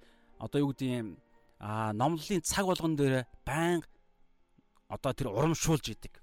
Баян урамшуулаад баян те та нар бол мундаг, та нар бол бурхны ард түмэн. Одоо түрүүний юугаар бол те жишээгээр бол та нар бол үнэхээр мундаг, та нар бол хожиноо, дараа жил та нар заавал хожин те сарын дараа болох ч байгаа тэмцээн та нараас үнэхээр хожин. Итгэлтэй бай. Инээ, инээцгээ, хашгирцгаа, үсэрцгээ. Тэг иймэрхүү юм яриад баян ингэдэг зэ. Тэгсэн мөртлөө тэднийг хэрхэн ялахт нь ялах аргачлалыг нь зааж өгдөггүй ямар ямар одоо жишээнтэй ямар ямар дайсны те дайралтуу тактиктай довтлогоо орж ирэхэд ямар хамгаалтын хэлбэр ийм довтлогооны хэлбэр одоо жишээ нь тийм гурвалжсан одоо юу гэдэг мэдэхгүй байна сайн мэдэхгүй байна. Гэхдээ жишээ нь гурвалжсан хөлбөмбөгийнхоор бол гурвалжсан хамгаалтын орж ирэхэд та нар ийм төрлийн хамгаалт хэрэглүүл бид илүү үр дүнтэй байх болно молно гэд заавардаг. Тэгээд те өглөө болгон та нар тех хэрэгтэй Тэгээ одоо юу гэдэг дасгалжуулалт одоо сургуульт болгон дээр та нар байн гүд гүцгээ одоо гүү за эхлэлдээ шүгэлдэж мүгэлдээл ингээл энэ заагаа заагаад байгаа энэ мэдээлэл өгөөд байгаа энэ зааварчлаад байгаа энэ зүйл чинь өөрөө энэ зүйл чинь хэрэг байхгүй байна байна гэж боддоо зөвхөн урамшуулдаг буюу чуулган дээр зөвхөн номлодог дандаа сайн мэдээг л ярьдаг. Тийм хончин пастор байлаа гэж бодъё. Дандаа сайн мэдээ. Тэ дандаа сайн сайхан юм ярьдаг. Тэгээ тэрүүгээр хүмүүс ингээл сонсоод байна. Эхэндээ магадгүй гоё байх. Тэгээд чуулганаасаа гараад явна. Тэнгүүт нь талбар дээр очиод тулаанд орно. Тэр үед нөгөө гоё сонсч исэн юмараа ингэх гэж чадахгүй байхгүй юу? Мэдээж магадгүй тохирох юм нь тохирно. Гэхдээ сатан буюу чөтгөрийн харанхуй ертөнцийн чинь өөртөө асар залтай. Тийм учраас тийм дүвш тийм төвшнөөс нь шаа өөр төвшөнд аа илүү наривчлсан байдлаар худал хуурмгаар одоо энэ дэр хардаа тулаан тэмцэлгээд байгаа юм чинь бидний амьдрал дээр худлууд байхгүй юу? Илдүү янзын төрлийн худал хуурмгууд. Тэгэхээр худал хуурмгуудтай бид тулдах ганц арга юу вэ? Үннийг л байнга мэдэх. Тэр үнэн нь зөвхөн сайн одоо юу гэдэг юм хамгийн суур ойлголтын үннүүд гэж зогсож болохгүй байхгүй юу? Тийм учраас та нар Еврей номдор ч гэсэн байдаг. Та нар Христ итгэлийн тэ итгэлийн амьдралын суур ойлголтуудыг та нар дахин битгий тавиа шаардлагатай үедээ угаасаа ариун сүнсээр тавина. Гэхдээ одоо та нар дараагийн төвшөндөө гар бор хоолндор те илүү одоо юу гэдгийг илүү тэр одоо энэ дэр яриад байгаа тэр заах төвшний зүйлсүүдэд та нар ор гэдэг байгаа шин тэр байхгүй зааварчлага илүү мэдээллүүд илүү дараагийн төвшний тулаан орж ирэх та нар яах вэ гэд. Тэгэхээр энэ зүйл чинь өөрөө хооллох гэдэг байгаа процесс. Энэ зүйлс аа пастор ахлагч нарт энэ зүйл заавал байх ёстой гэдэг нь энэ. Заавал байх ёстой. Энэ хоёр заавал хамт байх ёстой. Номлох нь бол те номлох нь заавал байна. Дээр нэмээд а заах нь заавал байна. Юу заах гэлээ? Хаанчлалын үннүүд, үнэн зарчмуудыг төрөл бүрийн тэг бүх зарчмууд Библиэлд байгаа байхгүй юу? Тэгээд энийг одоо юу гэдэг ийм ийм заах одоо төрлийн номлолууд альва чуулганд хийгддэггүй бол яах вэ гэхээр хонин сүргэн асуудалд орно гэсэн үг. Хүссэн хүсээгүй бүх хонин сүрэг за одоо хонин сүрэг гэдэг юм уу бүх хаанчлалын иргэд бүгд сүнслэг тулаанд орцсон байгаа. Бүх хүмүүс өөрсдийнхөө хүслийнхээ тулаан, махбодынхаа төлөө харилцааны эдийн засгийн өвчин зовлон гэх бүх тулаан донд явж байгаа. Тэгэхээр тийм учраас чуулганд заавал пасторууд нь заавал заадаг байх хэрэгтэй гэдэг чинь тэр байхгүй. Тэр нь юу гэхээр бичээсүүдийг яг бичээсийн тэр одоо нөгөө нэг бичээсийн цаана байгаа зарчмыг ойлгоод зарчмыг гаргаж ирнэ. Тэгээ бичээс нь бичээстэйгээ хэрхэн холбогдож байгаа. Энэ сэдв дээр бичээс ингэж хэлдэг. Энэ энэ тэ ийм одоо энэ сэдвийн талаарх ийм олон талт бичээсүүд олон талт одоо талуудыг энэ бичээс ингэж гаргадаг. Жишээ нь одоо юу гэдэг итгэл гэхэд те Ром, Галат дээр бол те итгэл нь бол зөвхөн үйлсээр гээд гэдэг талыг ингэж гаргаж ирдэг те. Итгэл бол үнгүй бэлэг гэдэг талаас нь гаргаж ирж байхад Яаков жишээ нь яаж юм те. Тийм ээ үнгүй бэлэг гэж гिचингүүтлээ үнгүй бэлэг. Гэхдээ тэр үнгүй өгдөж байгаа аврал нь те үнгүй өгдөг итгэлээр өгдөг те итгэлээр аврал нь бий болдгоо гэж ярьж байгаа. Тэгээ тэр авралыг бий болгож байгаа тэр итгэлч Яаков болохоор юу гэж ярьж байгаа нөхөр одоо жишээ нь Яаков ном байхгүй бол аа хаанчлалын одоо энэ заах процессыг аюул орох байхгүй. Бид яг энэ талбар дээр бид тэмцэлд ороход сатан бид нарыг ялна гэсэн. Ягаад тэгэхээр бичээс дээр энэ талын үнэн Бякун номыг хэрэг хасцсан бол бас тийм яриа яриа яригдсан юм шиг байгаа шинжиллийн үед. Яг го зүгээр ингэ дотроо бодож үзсэн юм уу яасан зүгээр хошин маягаар ч юм уу те нөгөө Мартин Лютер иймэрхүү зүйл ярьсан сураг байгаа.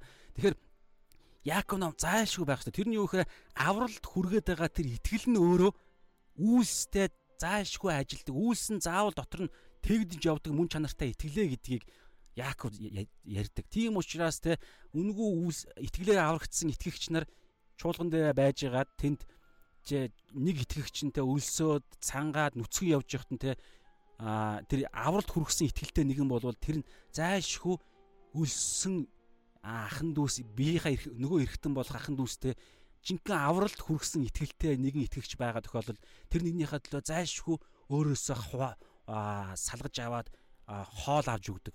Нүцгэн ядарж байгаа нэгэн байгаа бол илүү хувцснаасаа өгдөг. Нөгөө хайрладаг.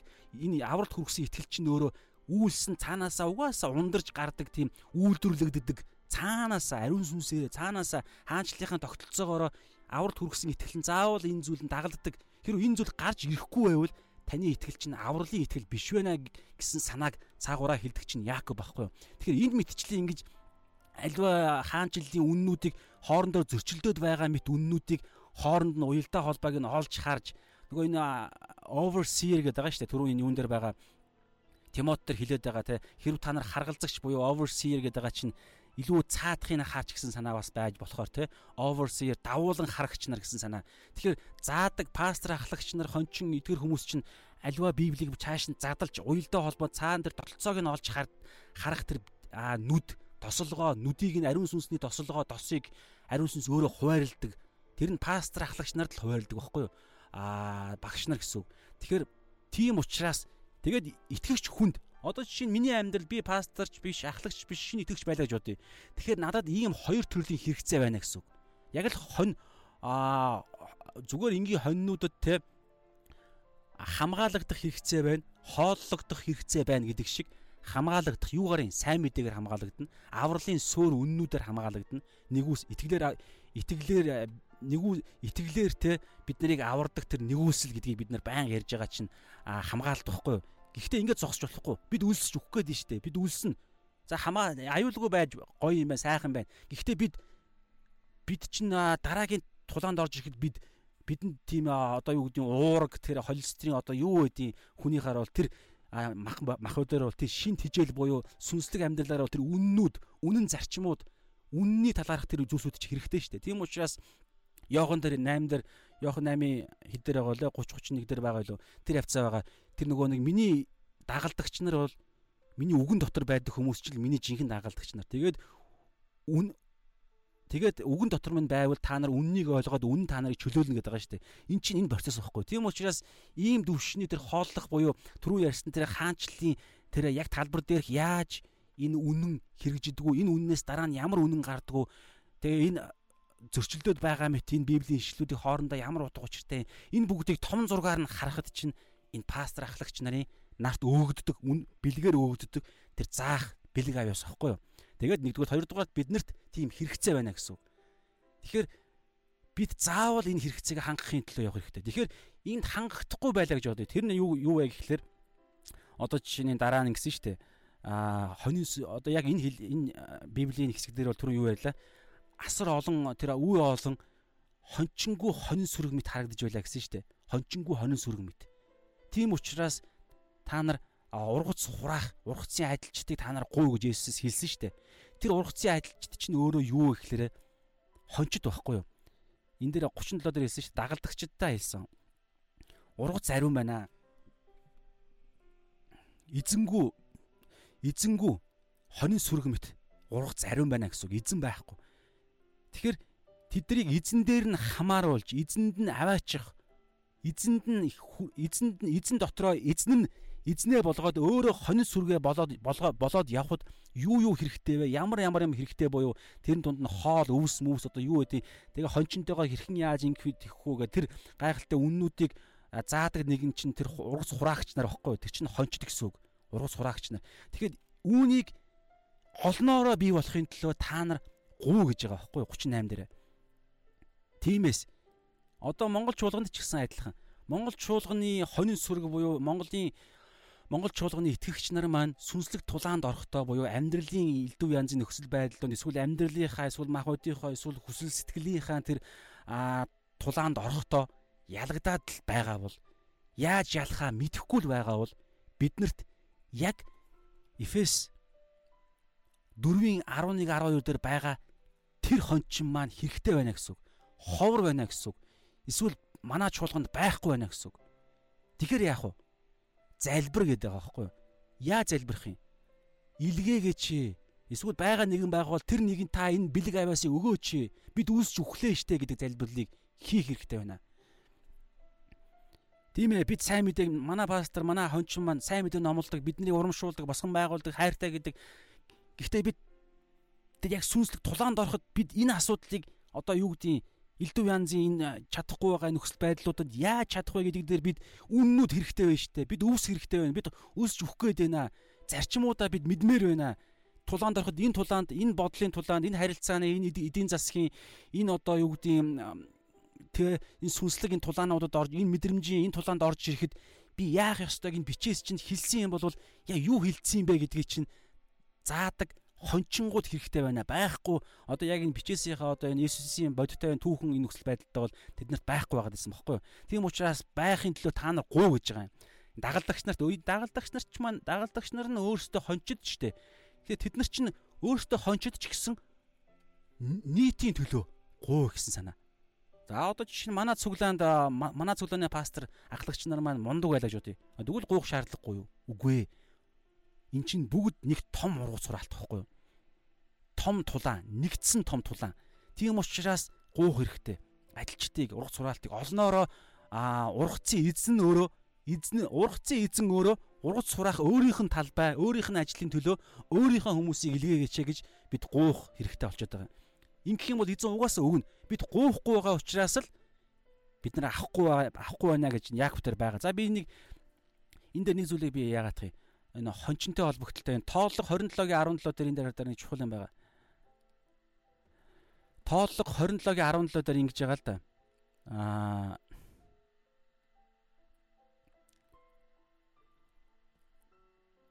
Мойсе яг одоо нөгөө нэг үхэхээс өмнө уулан дээр гараад амлагдсан газрыг алсаас хараад тэгээд Израиль ард түмний төлөө Бурханаас гуйж байгаа гуйлт тахгүй. 17 дээр эзний За за одоо энэ дээр 16-аас уншия. Бүх махбодийн сүнснүүдийн Бурхан эзэн хотол түмний дээр нэг хүнийг томилох болтугай. За энэ бол яг яг түүхэн байдлаар бол Йошуа л да. Эзэн Йошуаг одоо өгж байгаа. Гэхдээ энэ цаагаараа бол бүр алсын энэ залбирлыг ч гэсэн Мосе хийсэн байгаа даа байхгүй юу? бүх махбодийн сүнснүүдийн бурхан эзэн хотол төмний бүх ард түмний бүх цаг үеийн гэж хэлж харьцуулж тавихаар боломжтой. Хотол төмний дээр нэг хүнийг томилго болтугай 17.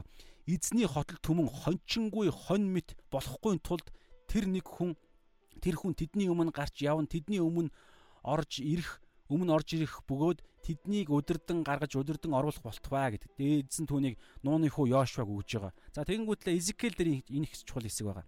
За Изекэл За би нэг 3 Израиль 34 тэр чигээрээ хончин худал хончин Израилийн хуурамч хончид Бурхан эзний жинхэнэ хончин гэсэн бүлэг байхгүй. Тэгэхээр энэ дундаа би яг хамааралтай ярих гэдэг нэг 3 хэсгийг би уншия. За 1-ээс 10 1-ээс эхлээд эхлээд 1-ээс 7 дугаар ишлэл. За би уншаадах юм. Изекэл 34-ийн 1-ээс 7. Дараа нь эзний үг надад ирж хүний хүү чи Израилийн хончтын эсрэг иш үзүүл. Иш үзүүлж тэр хончтод Эзэн бурхан ингэж айлдаж байна. Өөрсдийгөө тижээж байсан Израилийн хончид хөөхийе. Хончид хонин сүргээ тижээх ёстой бусуу. Та нар өөх хидэж өөрсдийгөө ноосоор хувцлаж хонин сүргийг тижээлгүй тарган тарган хоныг нь ядалдаг. Эмэгтэйг нь та нар үл тэнхрүүлж, үл тэнхрүүлж, өвчтөйг нь та нар ис идгэн, гимцснийг нь та нар үл боож, бутарсныг нь ис буцааж, гээгдснийг нь үл хайв хончид мөртлөө тэдний хийдэг зүйлсүүдийг эзэн илчилж тэднийг яллаж байна штэ. Тэднийг ам асууж байна. Өнөө өнөөгийн чуулганд энэ байгаа шүү. Би хин нэгэн хүний хэлэв. Гэхдээ энэ чуулганд энэ байгаа. Тийм учраас эзэн тэдгээр хончид пасторудад ч гэсэн ингэж ам асуунаа л гэсэн үг. Эзэн өөрийнхөө хонь сүргийг одоо энэ дээр та гарна би уншия. Тэгээ Израилийн түүхэн байдал дээр энэ бол Давидын удмаас харсан Есүс энийг энэ үүргөрөөл үүргөрөөдийг яг авж байгаа. Гэтэ өнөө цагт Есүсийн сүнсээр, Есүсийн дуудлагаар, Есүсийн сүнсээр ирсэн дуудлагаар пастор буюу хончин тэр грек дээрээ поимен гэдэг байгаа тэр нэгэн би болёо гэд та нар тэр пастор ахлагч нар өөрсдөө би Есүсийн хонин сүрг хончин нь болёо гэд ингэсэн болвол эдгээр үүргүүд байгаа байхгүй харъя бүгдээрээ. Дахиад би уншаадах юм. Өөрсд гэтэл хардаа тэдний хийх ёстой зүйлсд нөгөө нь эднэр хардаа эмхтэйг нь за би тэдний хийж байгаа зүйлсийг уншия. За шууд тэр яг дараалаар нь уншия. Тэд нар бол ингэдэг гинэ. Өнөөдөр ч гэсэн эднэр байх бүрэн магадaltaй. Энд тэнд байгаад байгаа. Эзэн бурхан ингэж айлдж байна. Өөрсдийгөө тижээж өөрсдийгөө тижээж байсан Израилийн хончид хөөрхийе. Хонин сүргээ биш өөрсдийгөө тижээгээд байгаа. Хончид хөөрхийе. Хончид хонин сүргээ тижээх ёстой шүү дээ. Тийм хүн чинь хончин биш гэж юу? Гэтэл та нар яаж ийн өөх идэж нөгөө тижээх ёстой хонин сүргийнхаа нядалж тэднэрийнхаа өөхийг нь та нар идэж байна. Өөрсдийгөө ноосоор арсыг нь ноосыг нь та нар ноосоор нь өөрсдийгөө хувцсалж байна. Хонин сүргээ тижээх ёстой байтал та нар тижээхгүй байна. Тархан хонийг нь та нар нядалж байна. Одоо юу гэдгийг бизнес эрхэлдэг гаруудыг нь та нартай нядалж одоо юу гэдгийг баян хүмүүсүүдийнх нь та нар одоо юу гэж та танд бууж байна. Би шууд та мэдэрч байгаа зүйлсээ бод. Хин нэгний битэн шүү. Гэхдээ энэ цаана байгаа сүнслэг худал хуурмаг сүнслэг ялагдалтыг бүгдээрээ харъя. Сатан хэрхэн энэ зүйлсүүдийг ин хийх гээд байна. Хонин сүргийг тижээлгүү тарган хоныг нь ядалдаг эмхтэйг нь та нар үл тэнхрүүлж сул дорой нэг нэг нь хончид пасторууд сул дорой нэг нэг нь тэнхрүүлэх дуудлагатай. Ийм л дуудлагаар би хончин пастор болъё гэж хэлсэн үүрэг багхгүй юу? Хонин сүргийг тижээ эмхтэйг нь та нар үл тэнхрүүлдэг. Өвчтөөг нь та нар эсэдгэн өвчтөй нэгэн байгуул эдгээхийн төлөө эзний нэрийг ашиглана, эзний эзний нэрийг хэрэглэнэ одоо юу гэдэг эрэл хайгуулахын бөө юм болох хэвээр. Гимцнийг нь та нар үл боодог. Шархацсан гимцнийг нь байх хэвээр боох боох ёстой. Тэр нэгэн бол хончин пастор харгалзагч ахлагч нар. Бутарсныг нь эс буцааж бутарсан яваад өгсөн чуулганаас явцсан нэгэн байгаад буцаагаад авчирна гэж байна. Бутарсан тарсан нэг нэг нь эс буцаах ёстой байл эдэр буцаахгүй байна гэж байна. Гээгцсэн нэг нэг нь үл хайв бүр ингээд алга болцсон магадгүй итгэлээсээ холцсон нэгэн байвал араас нь явж хайх хөстэй байтал хайхгүй байсан байна эднэр. Харин та нар тэднийг хүчээр хатуу ширүүнээр ноёлоо гэж байгааз. Магадгүй шин гэрээнд амьдарж байгаа мөртлөө ял зэмлэл буруутгал үйлчлэлийн дарамтаар та ноёлох гэж гинөө. Гэтэл ингэх ёсгүй гэж штэ дандаа боох. Тэгээ хардаа аа тэгээд ингэж энэ хончин дут одоо энэ дээр хардаа хончин дутагдсан тул тэд бутарсан хончин нь байхгүй байгаа учраас тэд бутраад байгаа байхгүй юу? Чуулганы чуулганаас хүмүүс яагаад яваад байна? Хончин байхгүй шүү дээ. Хончин гэсэн нэр зүйлсэн нэг нь одоо энэ дээр хэлж байгаачлан заах үүргээ хийхгүй шүү дээ. Хоолоор хангахгүй байна. Би хэнийг тодорхой нэг яриаггүй. Гэхдээ ийм зүйл байгаад байгаа. Зөвхөн номлол дангаараа болохгүй. Тийм учраас Эфес 4:11 12 дээр чинь 5 талд биш 4 талд үйлчлэл буюу номлох заа хоёр чинь хамтдаа энэ заана гэдэг чинь өөрөө тэр хооллох процесс واخгүй юу? Бүр тэр яаж хооллохын тэр хон нэг болгон дээр тэр библийн үннүүдийг цаана бүх олон талд үннүүдийг заана. Зарчмыг нь заана. Хэрхэн яаж хэрэгжүүлэхийг заана. Тийм учраас хараа тэд хончин хончин дутагдсан тул тэд бутарч тал хээрийн аратан бүрийн идэж болж байна. Хуваа хичээсэн байдал, архитал, завхаарал, мөнгө, нэр хүнд тэгээ одоо юу вэ? Тэр бүгдийн идэж болж байна. Тийм учраас өнөөдөр Монгол нийгэмдэр чуулганд хамрагдаж байсан боловч чуулганаас явсан хүмүүс асар ихрээ байна. Араатнуудын идэж болоод байна. Хончин байхгүй байгаа учраас байгаа нэг нь заахгүй байна. Номлолыг угаасаа хүн болгон хийх үүрэгтэй. Түрүү хэлсэн. Хүн болгон сайн мэдээний хаанчлалын сайн мэдээг номлох, тунхаглах, уриалах, зарлах үүрэгтэй. Гэхдээ заах ёстой ч нь пастор ахлагч нар баггүй. Тэр нь юу гэхээр заавар тэр instruction буюу тэр заавар бүр наривчилсан хэрхэн яаж амьдрах уу гэдэг заавар зөвлөгөө аргачлалуудыг талбар болгон дээр аргачлалуудыг заахгүй байгаа учраас тэд яаж тулалтхаа мэдэхгүй байгаа учраас ялагдаж байна. Ялагдаж байгаа учраас тэд тэдний гар хийж байгаа дүгнэлт нь юу гэхээр худлаа юм байна гэдэг дүгнэлт хийгээд нь штэ. Библи чинь худлаа юм байна амар гоё юм ярьдаг, амар гоё хайр маяр ярьдаг. Тэгсэн мөртлөө яг амьдрал дээр энэ хайр чи илэрхгүй байна. Яагаад амьдрал дээр хайр нь хайр нь илэрхгүй байгаа юм? Яагаад хайртайгээд хайрлсан чи эргээд өөдөөс хутгалж байгаа хүмүүс гарч ирээд байна? Наривчилсан зүйлсүүдийг мэдэхгүйгээсээ болж тэд нэг нэгнээ хядж ийн амин хуваа хичээсэн зан байгаад байна. Амин хуваа хичээсэн зан чинь байгаад байгаа гэдэг чинь тэр талаар заахгүй шүү дээ. Библийн үннүүдийг холбож уялдаа холбоог нь холбож заахгүй байгаа номлогч нар, пастор ахлагч нар заахгүй байгаа учраас тэр чуулганы хүмүүсүүд явхоосор аргагүй байна. Ягаад тэгэхээр энэ худлаа юм байна гэдэг дүнэлт хийгээд нь штэ. Эсвэл бол яа тий өөр хонин сүрэг, өөр хончин хайгаад яваад байна. Тэгж байгаа нь баг одоо тэхгүйгээд яах юм бэ? Үсч үхэх гээд нь штэ. Амиа удахгүйгээд яах юм бэ? Тийм учраас байгаа пасторууд нь үнэхээр одоо их нэгэн пастор сонсож байгаа бол мундаг бол гоё байна. Бусад чуулганы төлөө, бусад хонин сүргийн төлөө ургацсан эзнээс гоё л да. Хэрвээ би тухайн хүн пастор өөрөө пастор байгаа зааж чадахгүй байгаа бол өөрийнх нь төлөө гоё л да. Ариун сүнсээ та номлох пастор харгалзагч номлох номлогч одоо юу лээ?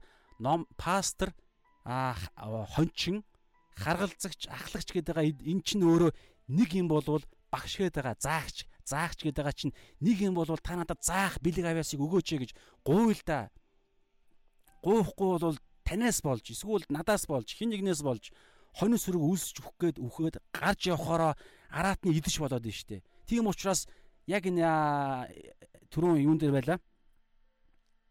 Тооллого дээр байсанчлан Изекэл дээр байсанчлан хонин сүргийн эзэн танаас ам асууна. Ам асууна. Хариуцлага тооцно гэсэн үг. За тэгээ бүгд цаашаа уншия бүгдээр. Хонин сүрэг минь бүх уулаар эзэн өөрөө хэлж байна. Өөрийнхөө итгэж итгэлд ирсэн хүмүүсүүдийнхаа энэ тархаа боторхой байдалд харамсаж байна хар та. Хонин сүрэг минь бүх уулаар өндөр толгод бүрээр төөрөлдөв. Хончингуугаасаа болж хонин сүрэг минь газрын бүх нуд гадаргаар тараагдав. Тэднийг хайх бидрэх хүн, тэдний төлөө бидрэх хүн, тэднийг хайх хүн ганц жалга. Эзэн орилж үйлж байна. Тархаа боторхой ингэж чуулганаас гээгдэд байгаа хүмүүсийн төлөө эзэн орилж байна. Тимээс хончид та нар пастор ахлагч нарт хэлж байна. Хончид та нар эзний үгийг сонс гэж цаашаа явж байгаа. За би ингээд энэ давт энэ хэсэг давтсан учраас би тэрийг алгасчих. Тэнгүүтлээ 10-аас эхлэн уншия. Эзний үгийг сонс гэж хэлээд одоо энэ эзний үгийг сонс. Эзэн бурхан ингэж айлдаж байна. Түрүүн дээрээ би амьд гэж хэлсэн те. 8 дээрээ би амьд. Одоо тэр хонин хонин хончныхаа үүргээ хийхгүй байгаа хооллохгүй байгаа, заахгүй байгаа, хаанчлалын үнэн цаад зарчмуудыг нь хэрхэн яаж тулдахыг нь наривчлан заахгүй байгаа хүмүүс хончнуудад хандж хэлж байна. Эзэн бурхан ингэж айлдаж байна. Харагтун би хончтын эсрэг байгаа гэж шүү. Хонь сүргийнхаа төлөө би тэднээс хоньнуудаа шаардж байна. Тэднэр хоньнуудыг тижээлхэхээ би болно гэж байна одоо. Энэ эзний хатуу үг байна. А түүхэндээ бол тийм учраас тэднийг болоод оронд нь эзэн ирсэн. Гэтэ өнөөдрийн давтагдаад байна шүү дээ. Сатан энэ аргачлалыг хэрэглээд байна. Тэд нэр хоньнуудыг тижээлэхэ болно. Тийхүү хончид дахин өөрсдийгөө үл тижээн. Хонь хончтоос хонь сүргийг нь авчна. Тийм учраас та тижээлэх өөрсдийгөө тэр хууль бусаар тижээж исэн хонь тижээл таныг тижээж исэн хонь сүргээ эзэн өөрөө авна гэж нодохгүй. Тийхүү хончид дахин өөрсдийгөө үл тижээн. Харин би хонь сүргээ тэдний идэж болохгүй тулд тэдний амнаас нь аварна. Хуурамч хончтоос аварна гэж байна. За тэгээд одоо хараа Учир нь эзэн бурхан ингэж айлдаж байна. Харагтун би хондуудаа өөрөө бидэрч олох болно. Өөрөө би явж олох болно гэж байна. Тэр нь хий юм бэ? Дагалд бид нар штэ. Сайн мэдээ тунхлах үүрэх нь итгэж хүн болох нь өөрийнх нь бүх хүмүүст өгөгдсөн. Коринт дээр байгаа штэ. Та нар бид өөрсдийнх болцсноо биш гэдгийг та нар мэддэггүй мүү гэж хэлсэн. Тийм учраас би байнга яриад байгаа нь бид өөрсдийнхөө төлөө дуудагц амьдрах зорилготой биш байхгүй. Таны бидний бид бүгдийн амьдрал амьдралын зорилго бид бусдын төлөө амьдрах зорилготой. А хэлбэрүүд нь ондоо гэж бид яриад байгаа шүү дээ, тий. Тэгээд тийм учраас эзэн өөрийнхөө хүмүүсүүдээр дамжуулж ингэж хэлж штэ. Учир нь эзэн бурхан ингэж айлдаж байна. Харагтун би хоньнуудаа өөрөө явж олноо. Өөрөө гэдэг нь өөрийнх нь ариун сүнстэй бид нар багхгүй юу? Тэгээд 12 дээр тарж бутарсан хондийнхоо дунд байхдаа сүсгтэй сүрхтэй санаа тавьдаг хончин адил би тийхүү хондийнхоо төлөө санаа тавьж үүлтэй бүрэнхий өдрөөрч өдрөөр тарсан хамаг газраас нь тэднийг аврах болно гэж хэлж байна. За тэгээ 23-аас 25 дээр сүүлийнх нь хэсэг. Аа дараа нь би тэдний дээр нэгэн хончинг буюу өөрийн зарц Давидыг томилно. Энэ Давидын удмаас гарсан Есүс Христ. Давид Давидыг томилж тэр тэднийг тижээн. Тэр өөрөө тэднийг тижээж хончин нь болно.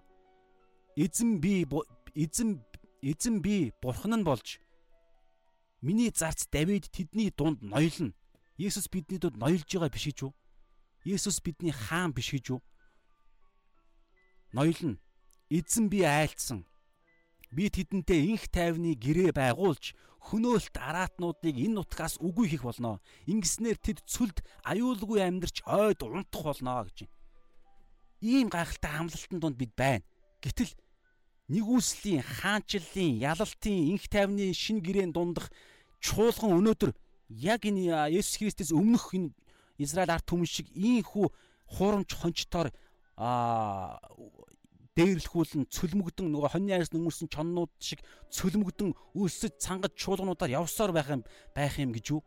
Өнөөдөр Монгол 2020 он амьдарж байгаа Христийн чуулган өнөөдөр бүр дээр үеийн Израилийн нийгэм шиг бид ингэж ийм дорой байдлыг авна гэж юу шин гэрээг байгуулсан ариун сүнсийн дотор өгөгдсөн энэ гайхалтай аа тэг бэлэг аяасыг хуваарлт хуваарилдаг энэ ариун сүнсээр би болсон пастор ахлагч нар ийм дорой байх юм гэж юу заах үүргээ хийхгүй гэж юу?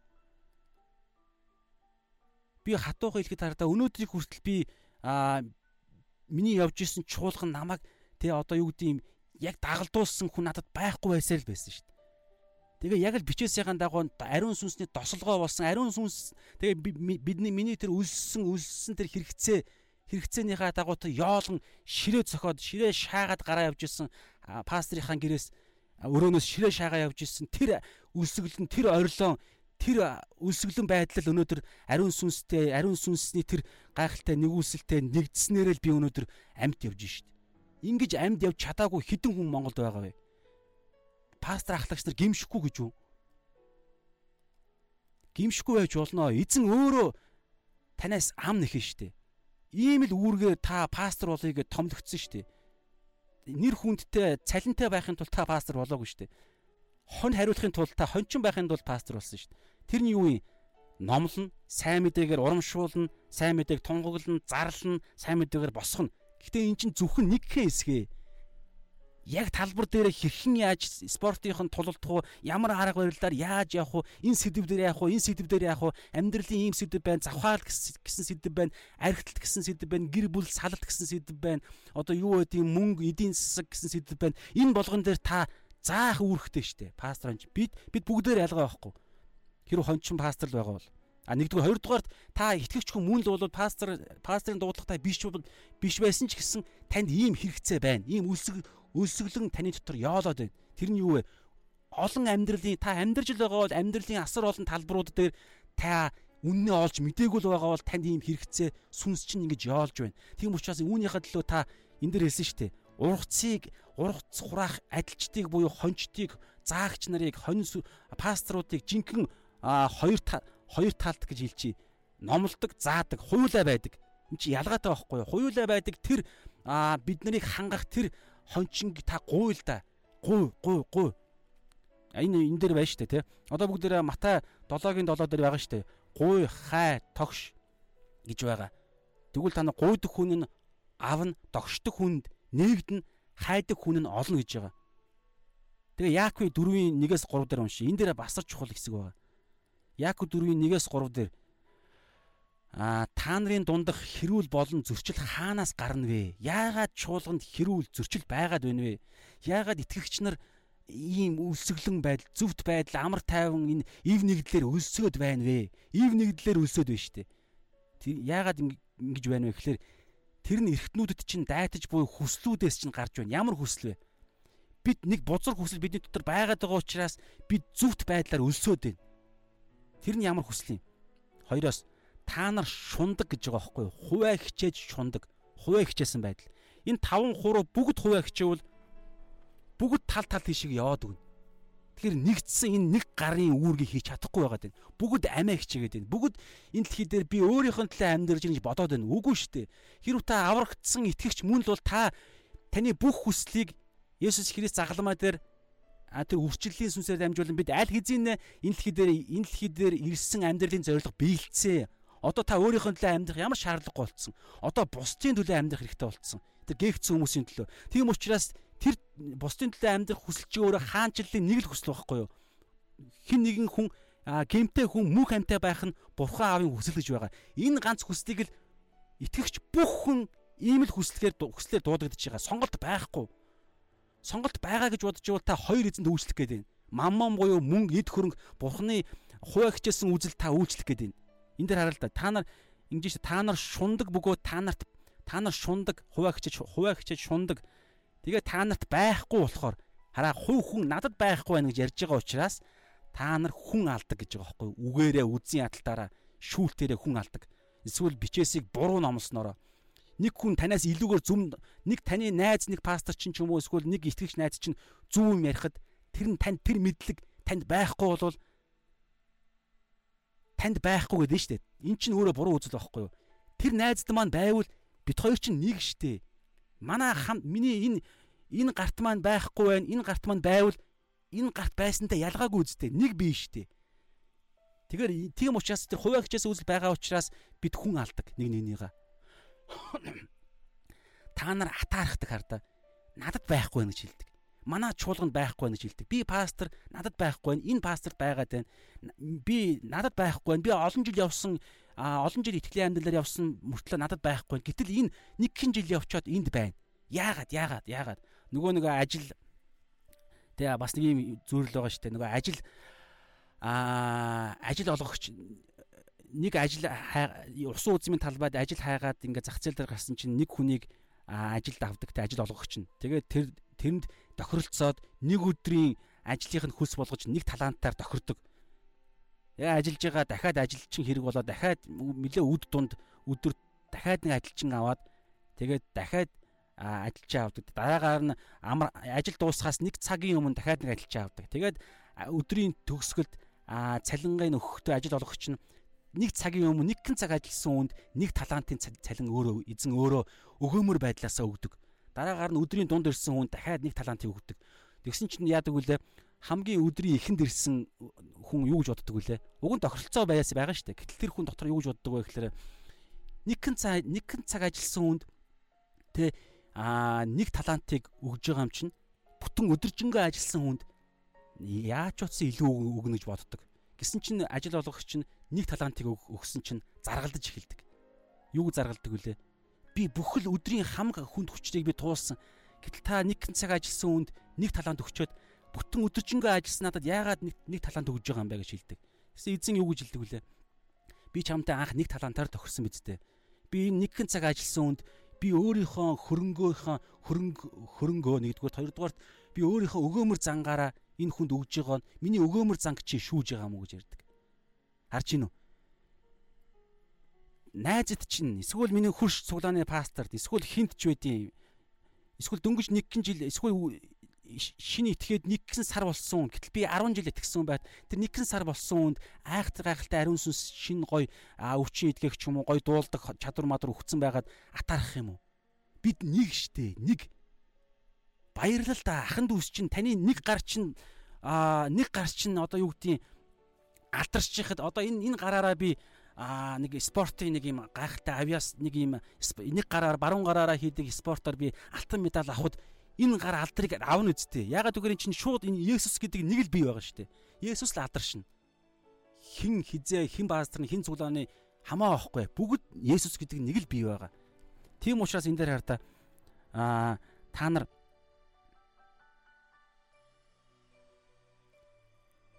хаана вэ? Та нар атаархдаг бөгөөд олж авч чаддаггүй гэж байгаа байхгүй. Атаархдаг учраас авч чадахгүй байдаг юм. Харин атаархаа бойлчвал нэг эргэтэн гэдгээ олох юм бол та нар вау итгэгч ахын дүүс бүгдээрээ бүгдийнхээ амжилтыг минийх гэж харна шүү дээ. Ийм л дуудлага шүү дээ. Энд чинь ийм л хаанчлалын шинэ амьдрал шүү дээ. Түүний үсээр Монголын социализмын тэр нэг юм энэ дэлхийн хүн төлөвлөлтний бий болгосон ардчил одоо эдийн засгийн ноёрч байгаа ардчлалын энэ гадаа гараад болдог амьдрал чинь таны амьдрал байха болцсон шүү дээ. Энэ хаанчлалын амьдрал. Энэ хаанчлалын амьдралын тогтолцоо өнөөдөр Монголын чуулганд таны надад танд бидэнд хэрэгжихгүй бол бид хаанчлал дэр нь байгаа мó? Та аврагдсан юм уу юу? Тэгвэл аврагдсан бол нэг хаантай хаанчлал шүү дээ. Нэг хаан чинь нэг сүнсний үйлс төлөвлөгөөгөөр л ажиллаж байгаа. Тэгээ энэ дээр хараа а та нар гуйдаггүй учраас та нарт байдаггүй гэж байгаа байхгүй юу? Гуйдаггүй учраас та нарт байдаггүй. Тэгсэн мөртлөө гуйдаг. А Тэгээд тэр нь тэр гуйлтанд нь байдаггүй. Яагаад гэж та нар гуйгаад хүлээж авдаггүй. Учир нь та нар өөрсдийнхөө хувийнхаа амин хувийнхаа тааламжинд зарцуулъя хэмээн буруугаар гуйдаг. Тийм учраас та нарт байдаггүй л гэж хэлж байна. Гэтэл өнөөдөр энд Есүс юу гэж ярьж байна? Матай 9:37 дээр урах зарим байна. Адил адилчид буюу жинхэнэ номлодог, заадаг, яг жинхэнэ тэр зааварчилгаа өгдөг тийм хончид, тийм пасторууд Монгол чуулганд байхгүй байгаа дээ штэ. Тийм учраас тэрийг байхын төлөө өөрийнхөө өлсгөлөнгөө дарахын төлөө ам гарахын төлөө бид гуйл та гэсэн санаа. Хувийнхаа зөвхөн миний төлөө биш шүү дээ. Энд чинь миний хажууд байгаа хамт цуглаанд явдаг найзын маань өлсгөлэн байдал, найз маань ч гэсэн өгөх гээд шүү дээ. Сүнсээрээ. Найз маань аа хончин байхгүй учраас тарж бутраад араатнуудаа идэж болох болох гээд шүү дээ. Болсоорч байгаа. Тийм учраас тэр пастор ахлагч нарын төлөө бид гуух хэрэгтэй байгаа байхгүй юу?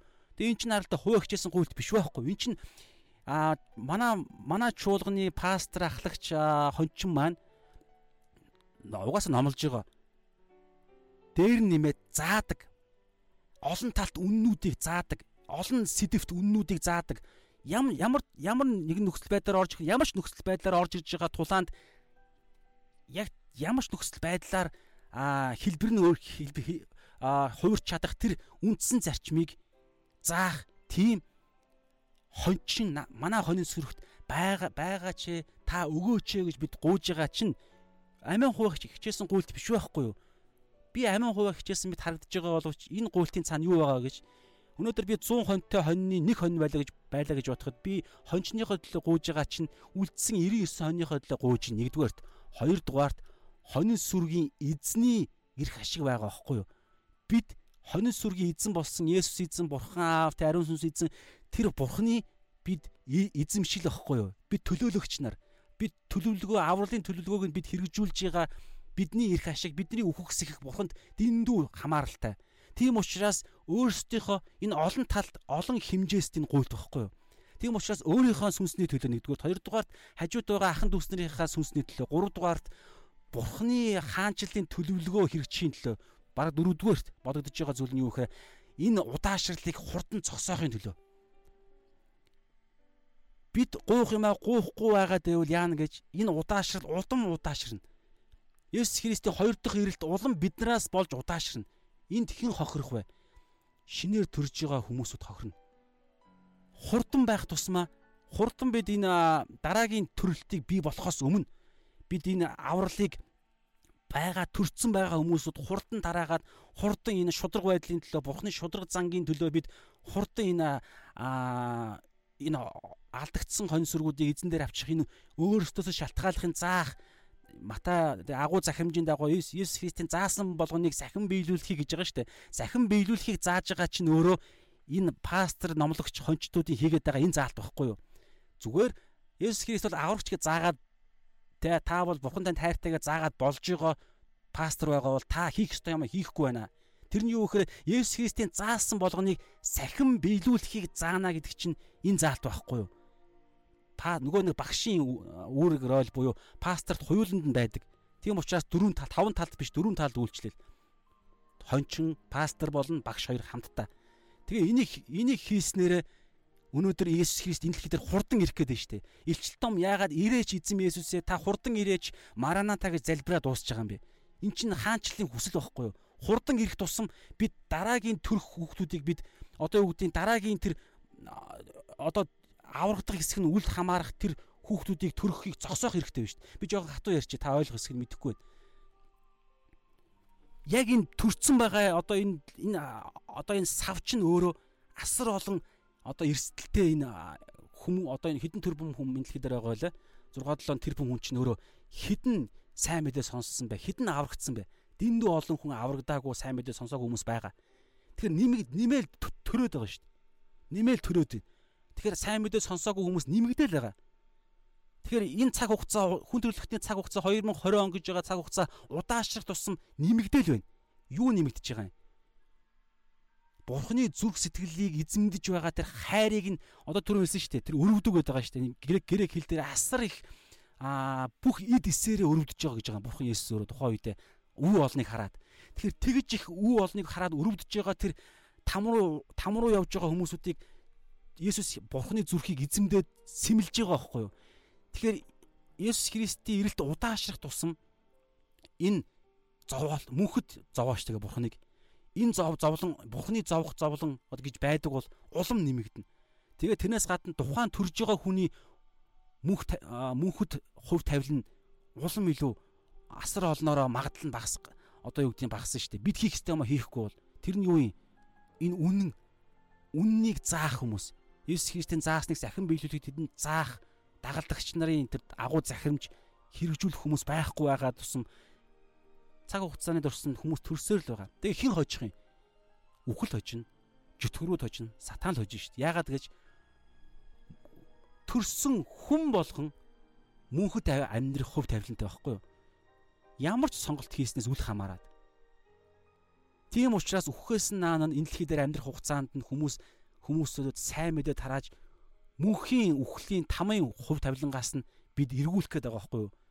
Бид хаанчлалын эд хонь сүргийн эзэн болсон Есүстэй бид холбох гээд байгаа юм. Бид нар хонь сүр хончид болсон ургац хураалтын адилчид бид нар. Тэгээ бид нар байхгүй бол бид нар хувь тавилан дээр гарахгүй бол сатан сатаны дээр идэх идэж нь улам нэмэгдэнэ л гэсэн үг.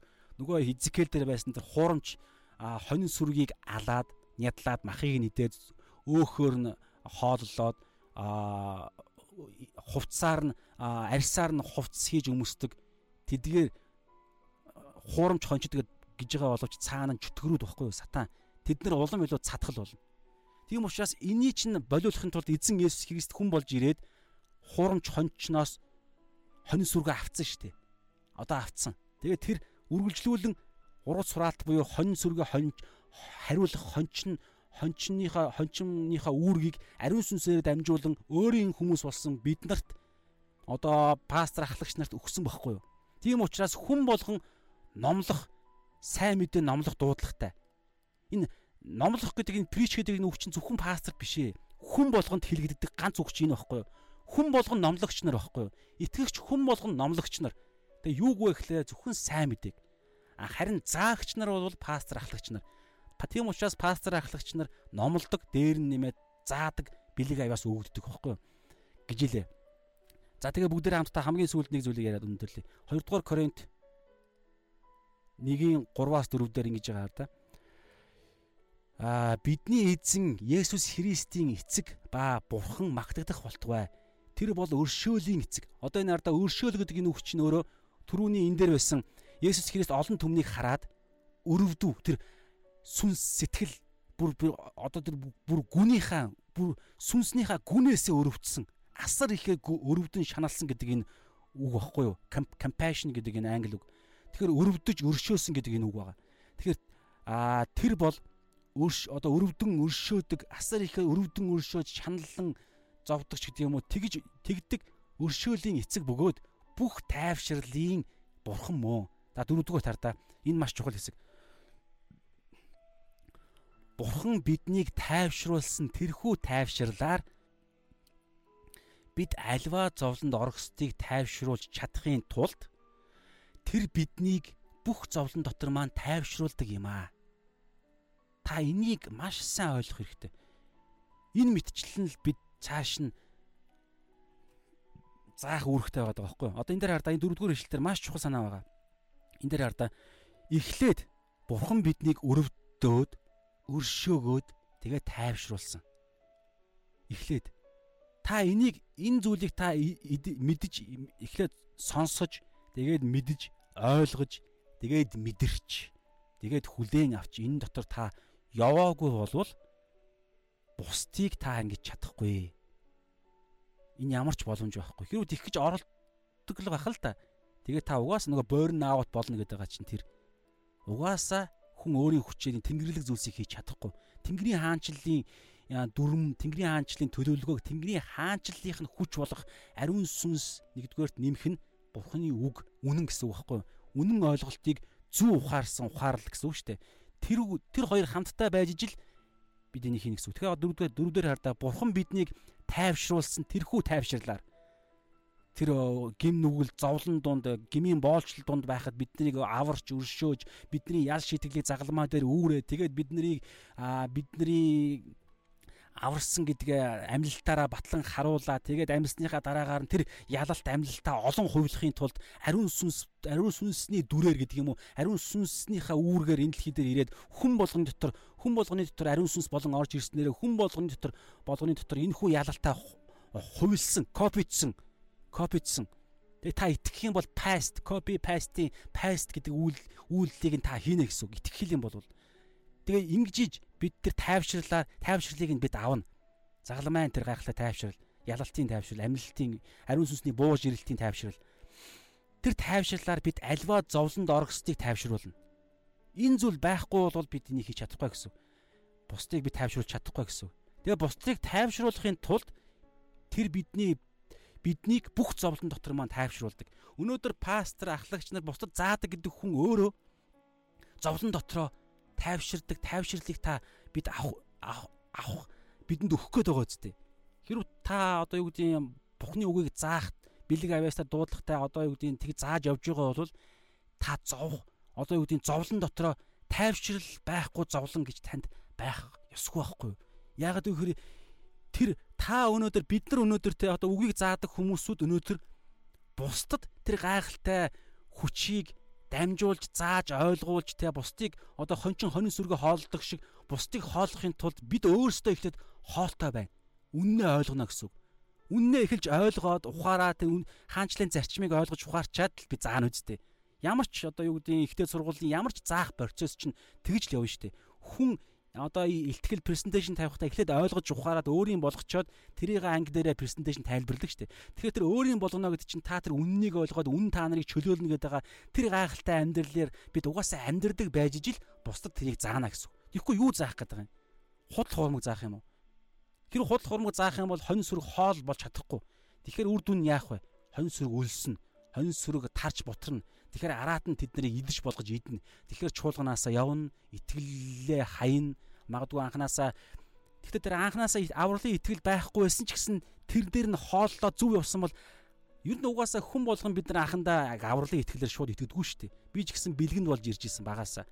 Тэгээд тэр солонгос ахын дүүснэрийнхаа тэр гайхалтай би солонгосчуудаас л би тэр бухны хайрыг мэдэрсэн.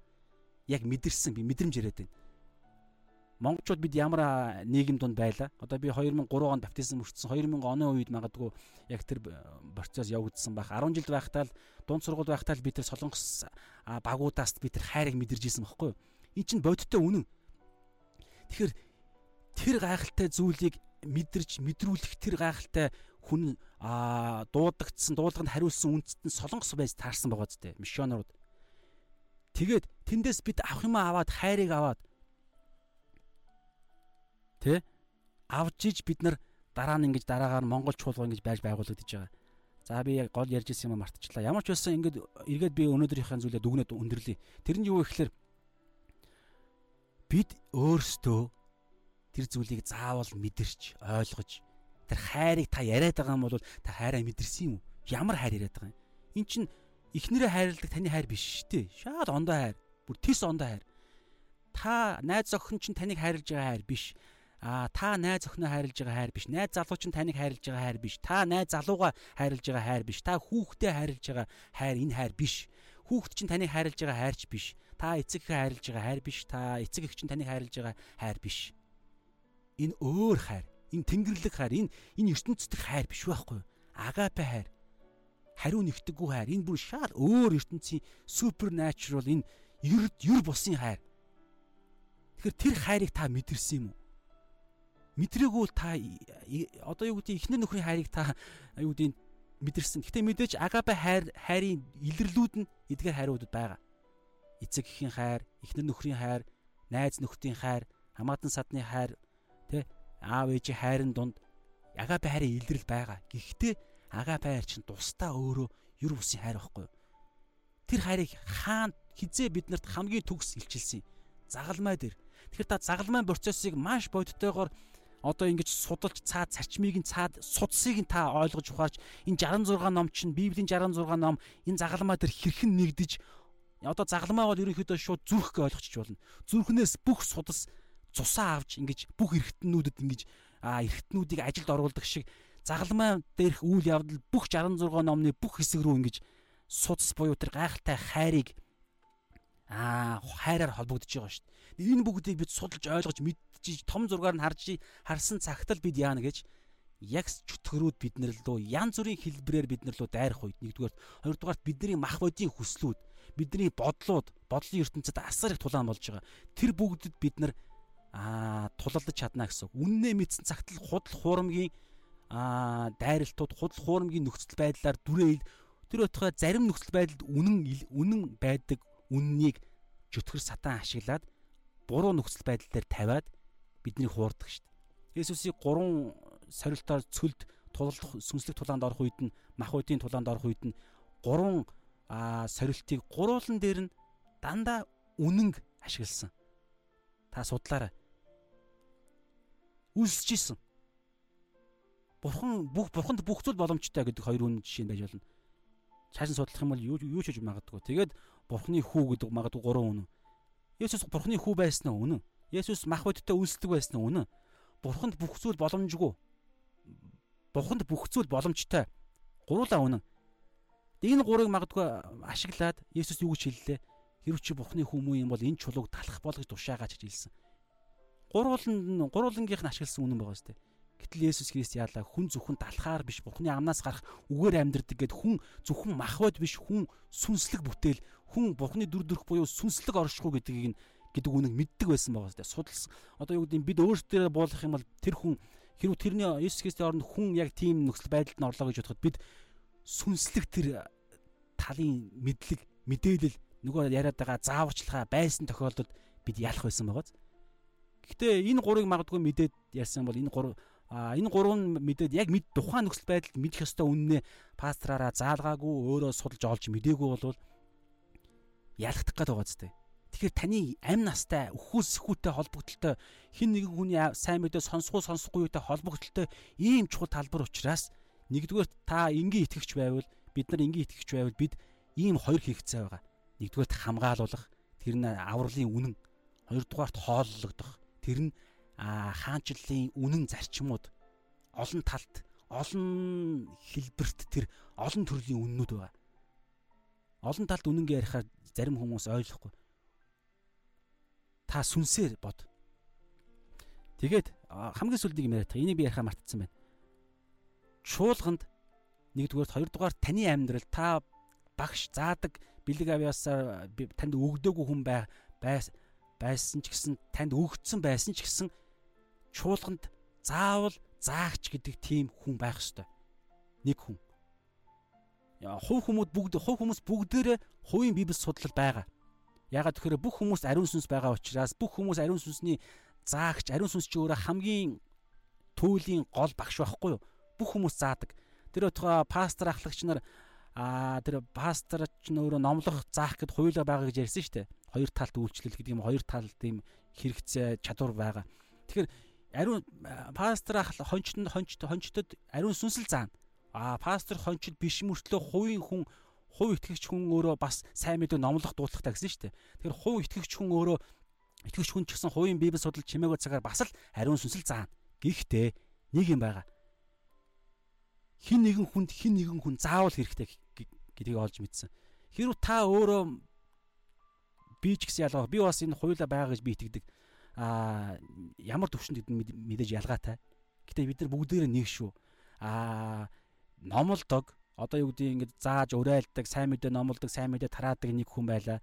Тэнгүүтээ дээр нэмээд одоо тэр заах чадвар өгөгдсөн пастор ахлагч байлаа гэж бодоход тэр хүнд зайшгүй өөр нэгэн хүн заах заах хэрэгцээ байгаа. Тийм учраас бид нар нэг нэгэндээ эргэтэн болдог байхгүй.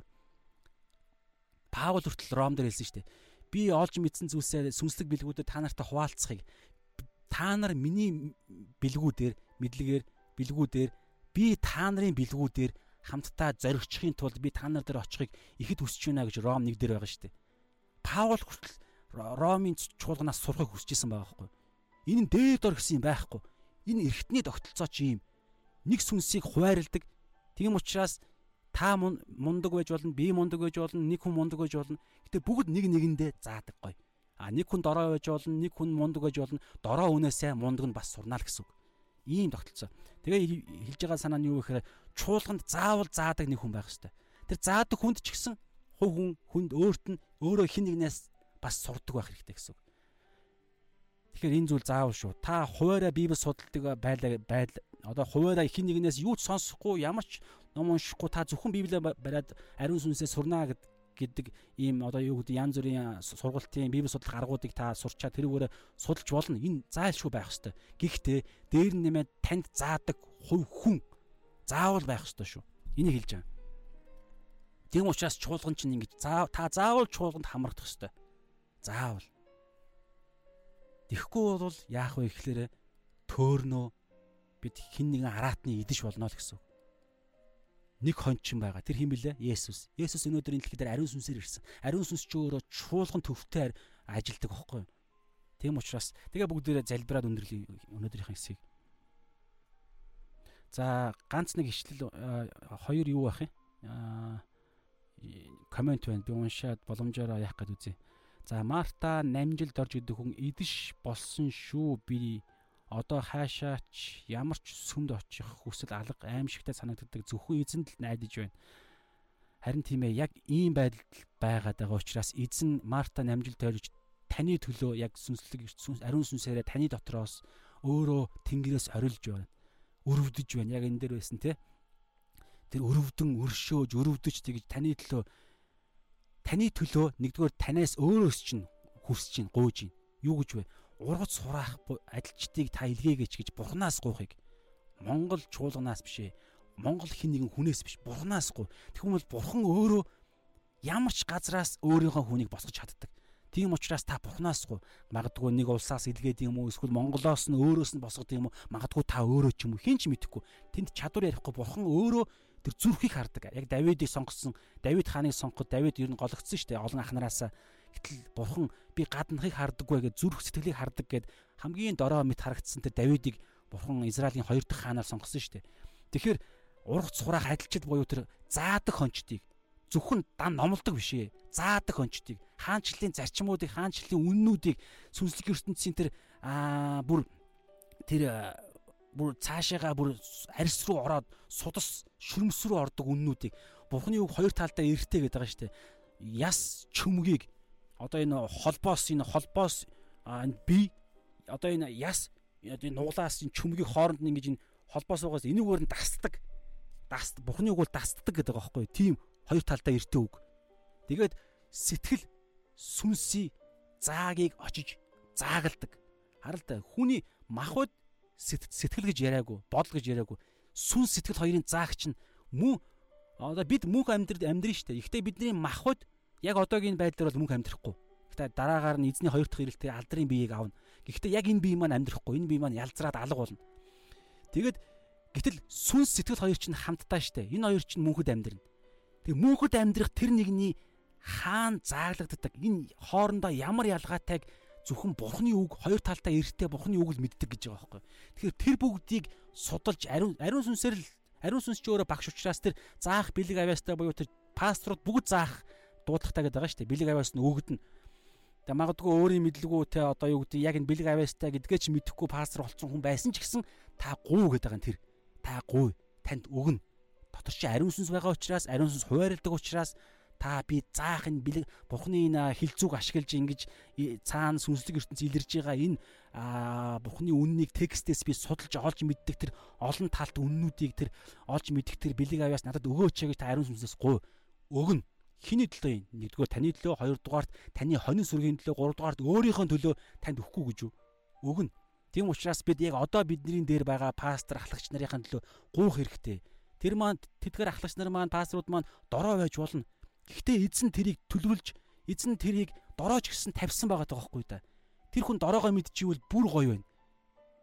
Яг Давид хаан шиг тэгвэл гоо эзэн өгнө штэ. Тэгээд аа бүгд итгэгч нар учраас бид шүүхгүйгээр тэгтээ бодтойгоор дүгнмээр байна. Бодтойгоор дүгнээд асуудалтай байна. Манай хонин сүрэг өлсөх гээд өлсөд байна тараад байна. Тэм учраас өмөрө гуйцгаая. Нэгдүгээр хоёрдугаарт өөрсдөө бас тэр ургац сурах адилчтанд болцгоё та адилчид хурц ургацын адилчид мөн ч вэ биш ч вэ бид бүгд бусдын төлөө амьдрахаар амьдарж байгаа шүү дээ. Гэхдээ хэлбэр нь ондоо гэж би байн яриад байгаа шүү. Бид бусдын төлөө амьдрах та наан нь гэр бүлийн амьдрал байгаа. Тийм учраас а Тимотер ч гэсэн хэлж байгаа шүү дээ. Та харгалзагч болох ч бол та үр хүүхдээ эхнэрээ үр хүүхдээ тэ эхнэр нь нөхрөө хүндэлж хайрладаг дуудлагатай. Нөхөр нь эхнэрээ тэ хайрлах дуудлагатай. Эхнэр нь нөхрөө хүндлэх дагах дуудлагатай үр хүүхэд нь ээж аваа сонсох дуудлагатай ээж аав нь үр хүүхдүүдэд уурлуулахгүй байх заав зааварлах зөвлөх дуудлагатай чиглүүлэх үгэн дотор тэгэхээр энэ бүгдийг хамгийн эхлээд гэр бүлдээ бид гэр бүлээ гэр бүлээ бид хайрлна халамжлна хамгаална хангана ийм дуудлагатай. Тэгээд энэ гэр бүлээс чинь чаашилж чуулган яригддаг. Тэгэхээр гэр бүл нь шал ондоо чуулган нь шал ондоо байхыг эзэн ярихгүй шүү дээ. Ийм бид эзэн юусоо Тэнгэрийн хаанчлал дандаа энэ дэлхий дээр энэ дэлхийн аа хаан энэ дэлхийн хэлбэр дотор л эзэн ажилдаг. Тэгвэл маш нарийн төвшөнд цаана зарчмыг хэрэгжиж яваа. Тийм учраас судлаа гэдэг. За сүүлийн нэг ишлэл байна.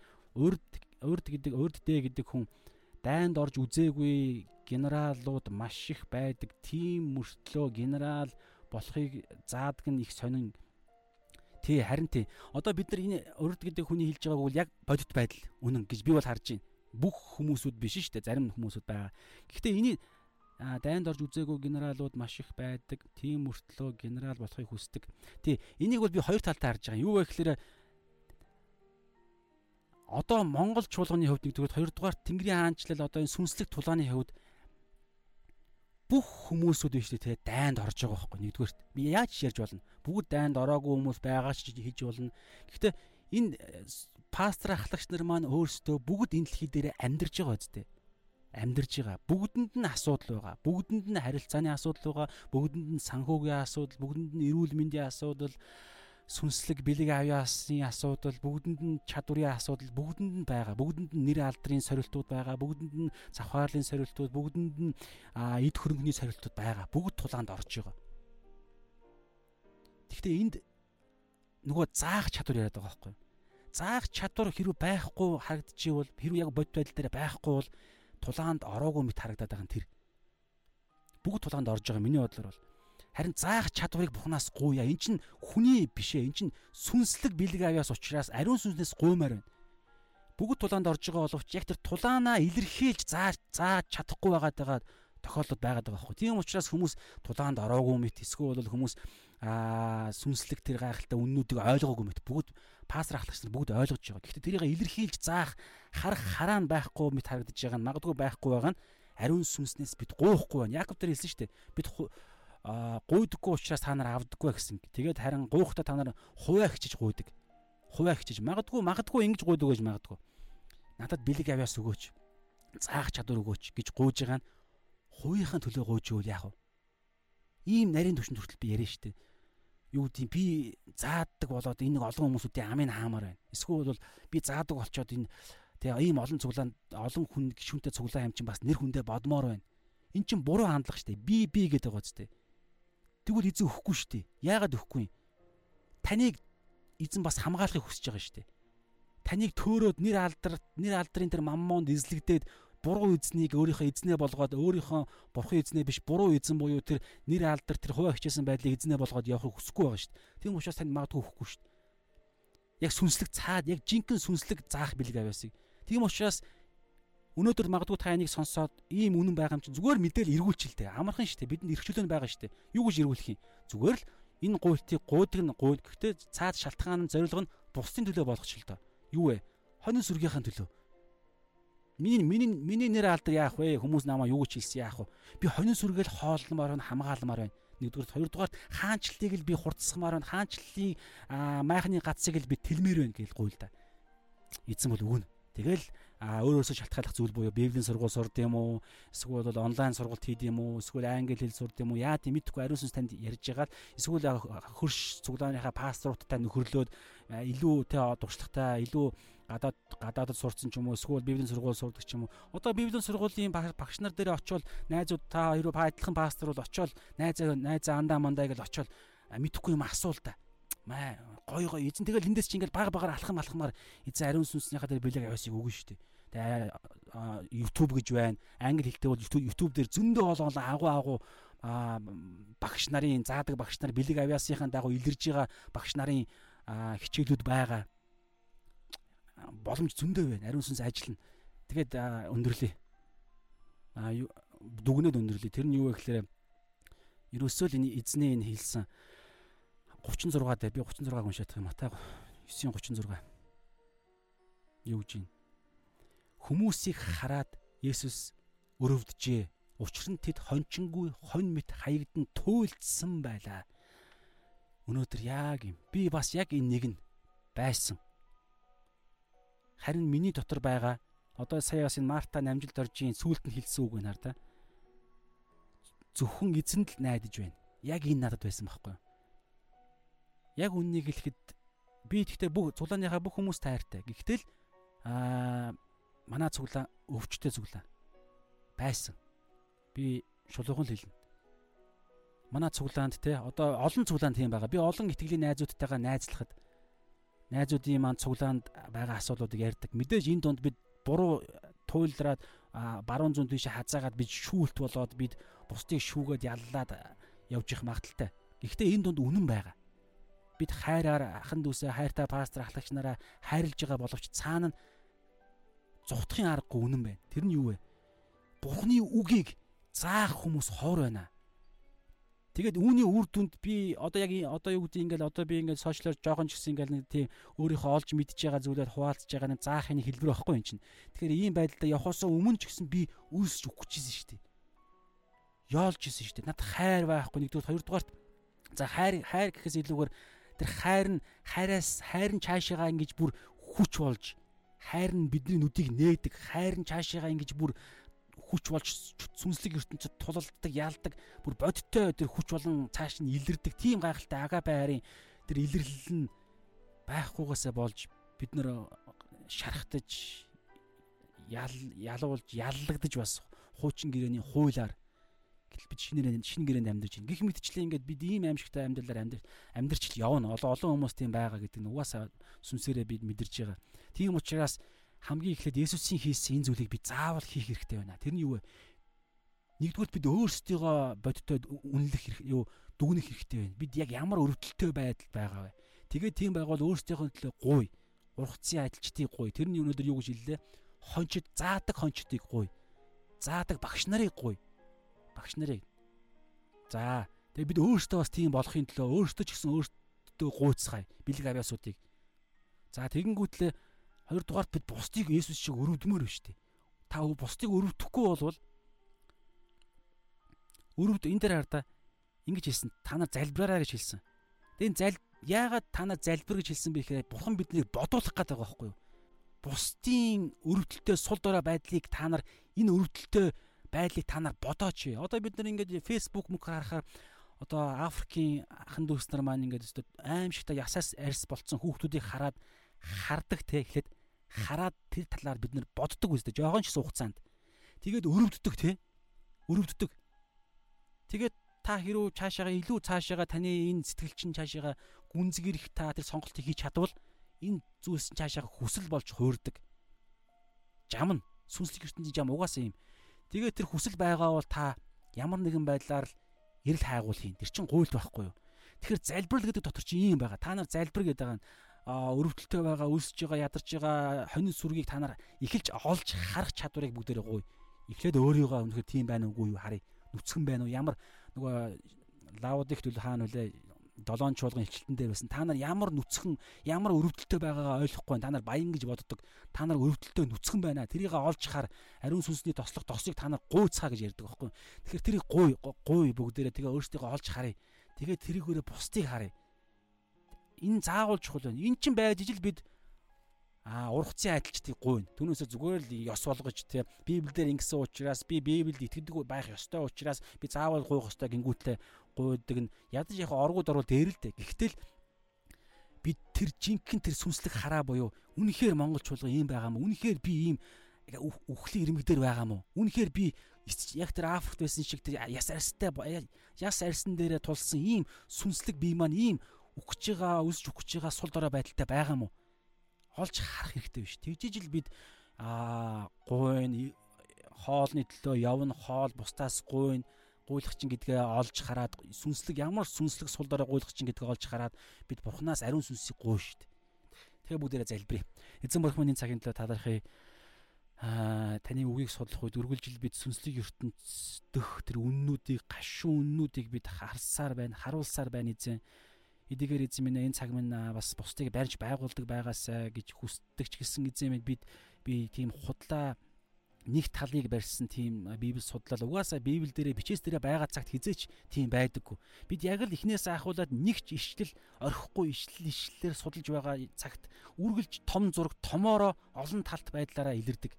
Тэр дунд бидний гим нүглүүд ч илэрнэ бидний сайн зүйлс ч илэрнэ сүнслэг ертөнцийнх олон олон үннүүд олон олон эзэн гашуун үннүүд илэрсээр байна. Тэгээд талархын ямар ч үс эзэн би төлөвшөхийг хүсэж байна. Балчир хүүхдээс төлөвшсөн том хүн юугаараа ялгаатай юм гэхээр амьдралын олон талыг олон тал тэр чигээр нь хардаг. Балчир хүүхд бол үнэхээр л гой сүбэрмэн байдаг.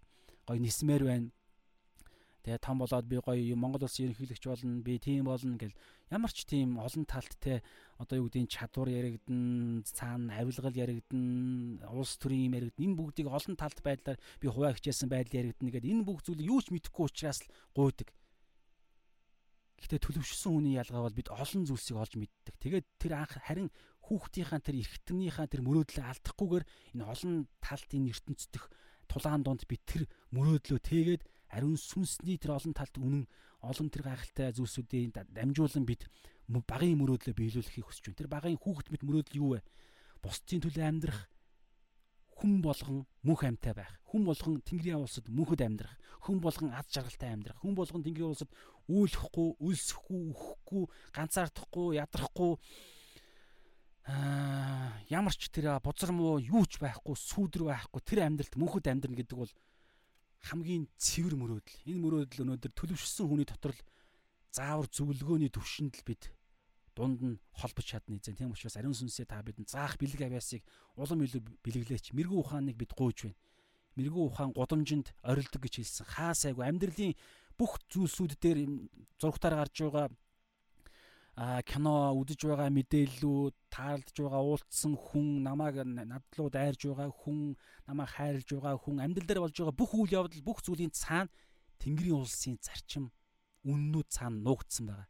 Тэгм учраас тэрийг олж харах хараач гэд мэрэгүү ухаан хаа сайгүй гудамжинд уулан дээр хаа сайгүй интернетээр зурагтаар мэрэгүү ухаан орилсоор байна.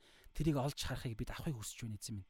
Тэгээ эзэн ариун сүнсээ та бидэнд хойрлаач тэгээд Монгол чуулганыг эзэн та сэргээгээч үүний тулд өвчнийг идэ бэрийг та илрүүлээч. Ариун сүнсээ та бол Монгол чуулганы эзэн хин нэгэн хувь хүн биш. Та бол энэ биеийн эзэн тэргүүн болсон Есүс харин бид нар зүгээр л эргэтэнгүүд та биднийг өөрөө хойрлсон. Хин ч хинээсээ дээр биш. Есүс Христосийн нэрээр амен. За энэ цагийн төлөө талархыг дараагийн цагийн буюу юу гэж төлөвлөж байгаа вэ гэхээр өнөөдөр чинь 5 дахь өдөр бүтэнсээ өдөр гэж төлөвлөж байгаа. Тэгээд дараагийн цаг хүртэл уулзтлаа түр баяртай. Дараагийн цагаар Матай 10 дугаар бүлгээр явж байна. За тэгээд би яагаад тань нэрээ 9 дугаар бүлэг дууссан учраас газ дүгнэх юм байна. Юу гэхээр Матай Есүс Христ үйлчлэлээ эхлээл хамгийн анхны амаа ангаагаал нэгээ сургасан үг нь уулан дээрх сургаалын хамгийн анхны үг байхгүй юу? Тэр нь юу гэхээр а наан яг гимшцгээ тэнгэрийн аанчл ойрхон байна гэж хэлсэн. Гэхдээ уулан дээрх сургаал дээр юу гэж хэлсэн бэ гэхээр Матай 5-ын 3 дугаар ишлэлээс эхэлж байгаа сүнсэндээ та нар сүнсээрээ ямар өрөвдөлтөй сул дорой нүцгэн ядуу гэдгээ ойлгож ухаарч сүнсээрээ та нар ямар ядуу гэдгээ ойлгож ухаараарай ухаараарай гэж хэлсэн. Тэгэх юм бол та нар ядуу гэдгээ мэддэг юу ч байхгүй гэдгээ мэддэг хүн чинь бурхнаас гуйна. Тэр үед эзний загалмай нэгүүлсэл аврал бэлэг болгон орж ирнэ гэсэн санаа байхгүй. Тэгэхээр сүнсэндээ ядуу. Тэндээс эхлээд Матай 5 6 7 дээр уулан дээрх сургаал цогц сургаал байгаа. Суурин дээр сууж ягаад Есүс Христийн сургасан сургаал. Тэр Капернаум хотын хойхон талд нэг өндөрлөг байдаг. Тэнд 2000 орчим жилийн өмнө Есүс Христ өөрөө яг түүхэн хүн өөрөө сургасан Тэнгэрийн хаанчлалын зарчмыг сургасан. Энэ дэлхий дээр хэрхэн амьдрах. Тэр хаанчлалын мөн чанар, зарчим, хаанчлалын суур ойлголтуудыг уулан дээр сургаал тэр чигээрээ цогц сургаал байгаа. Дараагаар нь гэж яагаад нэг юм цогц байдлаар би энэ зарчмыг нь гаргаж ирээд нэг видео хийнэ гэж бодож байгаа. Тэгээд Матай 5 6 7 дээр хаанчлалын зарчмыг заачаад гэхдээ энэ хардаа ийм шүү. Зарим хүмүүс буруу ойлгох магадaltaй. Яг энийг заах үедээ аа хаанчлал хаанчлалын тэр үнэн бүрэн хэрэгжээгүй байсан шүү дээ.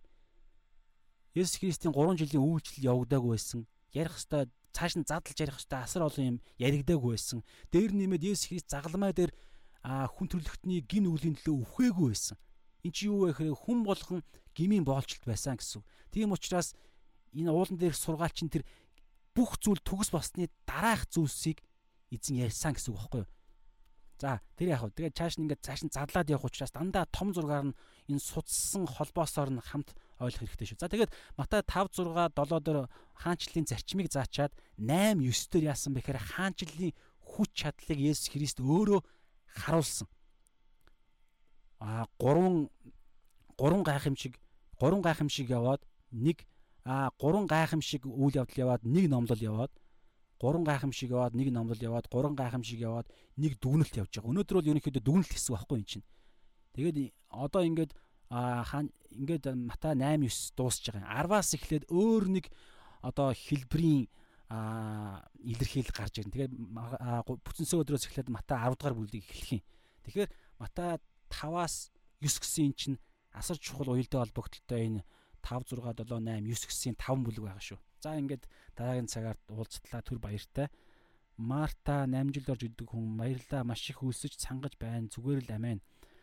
Аха яг үнэн та танд яг одоо дуудлага ирж байна. Ямар дуудлага вэ гэхээр та яг одоо Есүсийн нэрийг бариад та хинт ч харагдахгүй та яг хувьчлан та эзэн рүү хандаж залбирах цагийг эзэн танд өгж байна.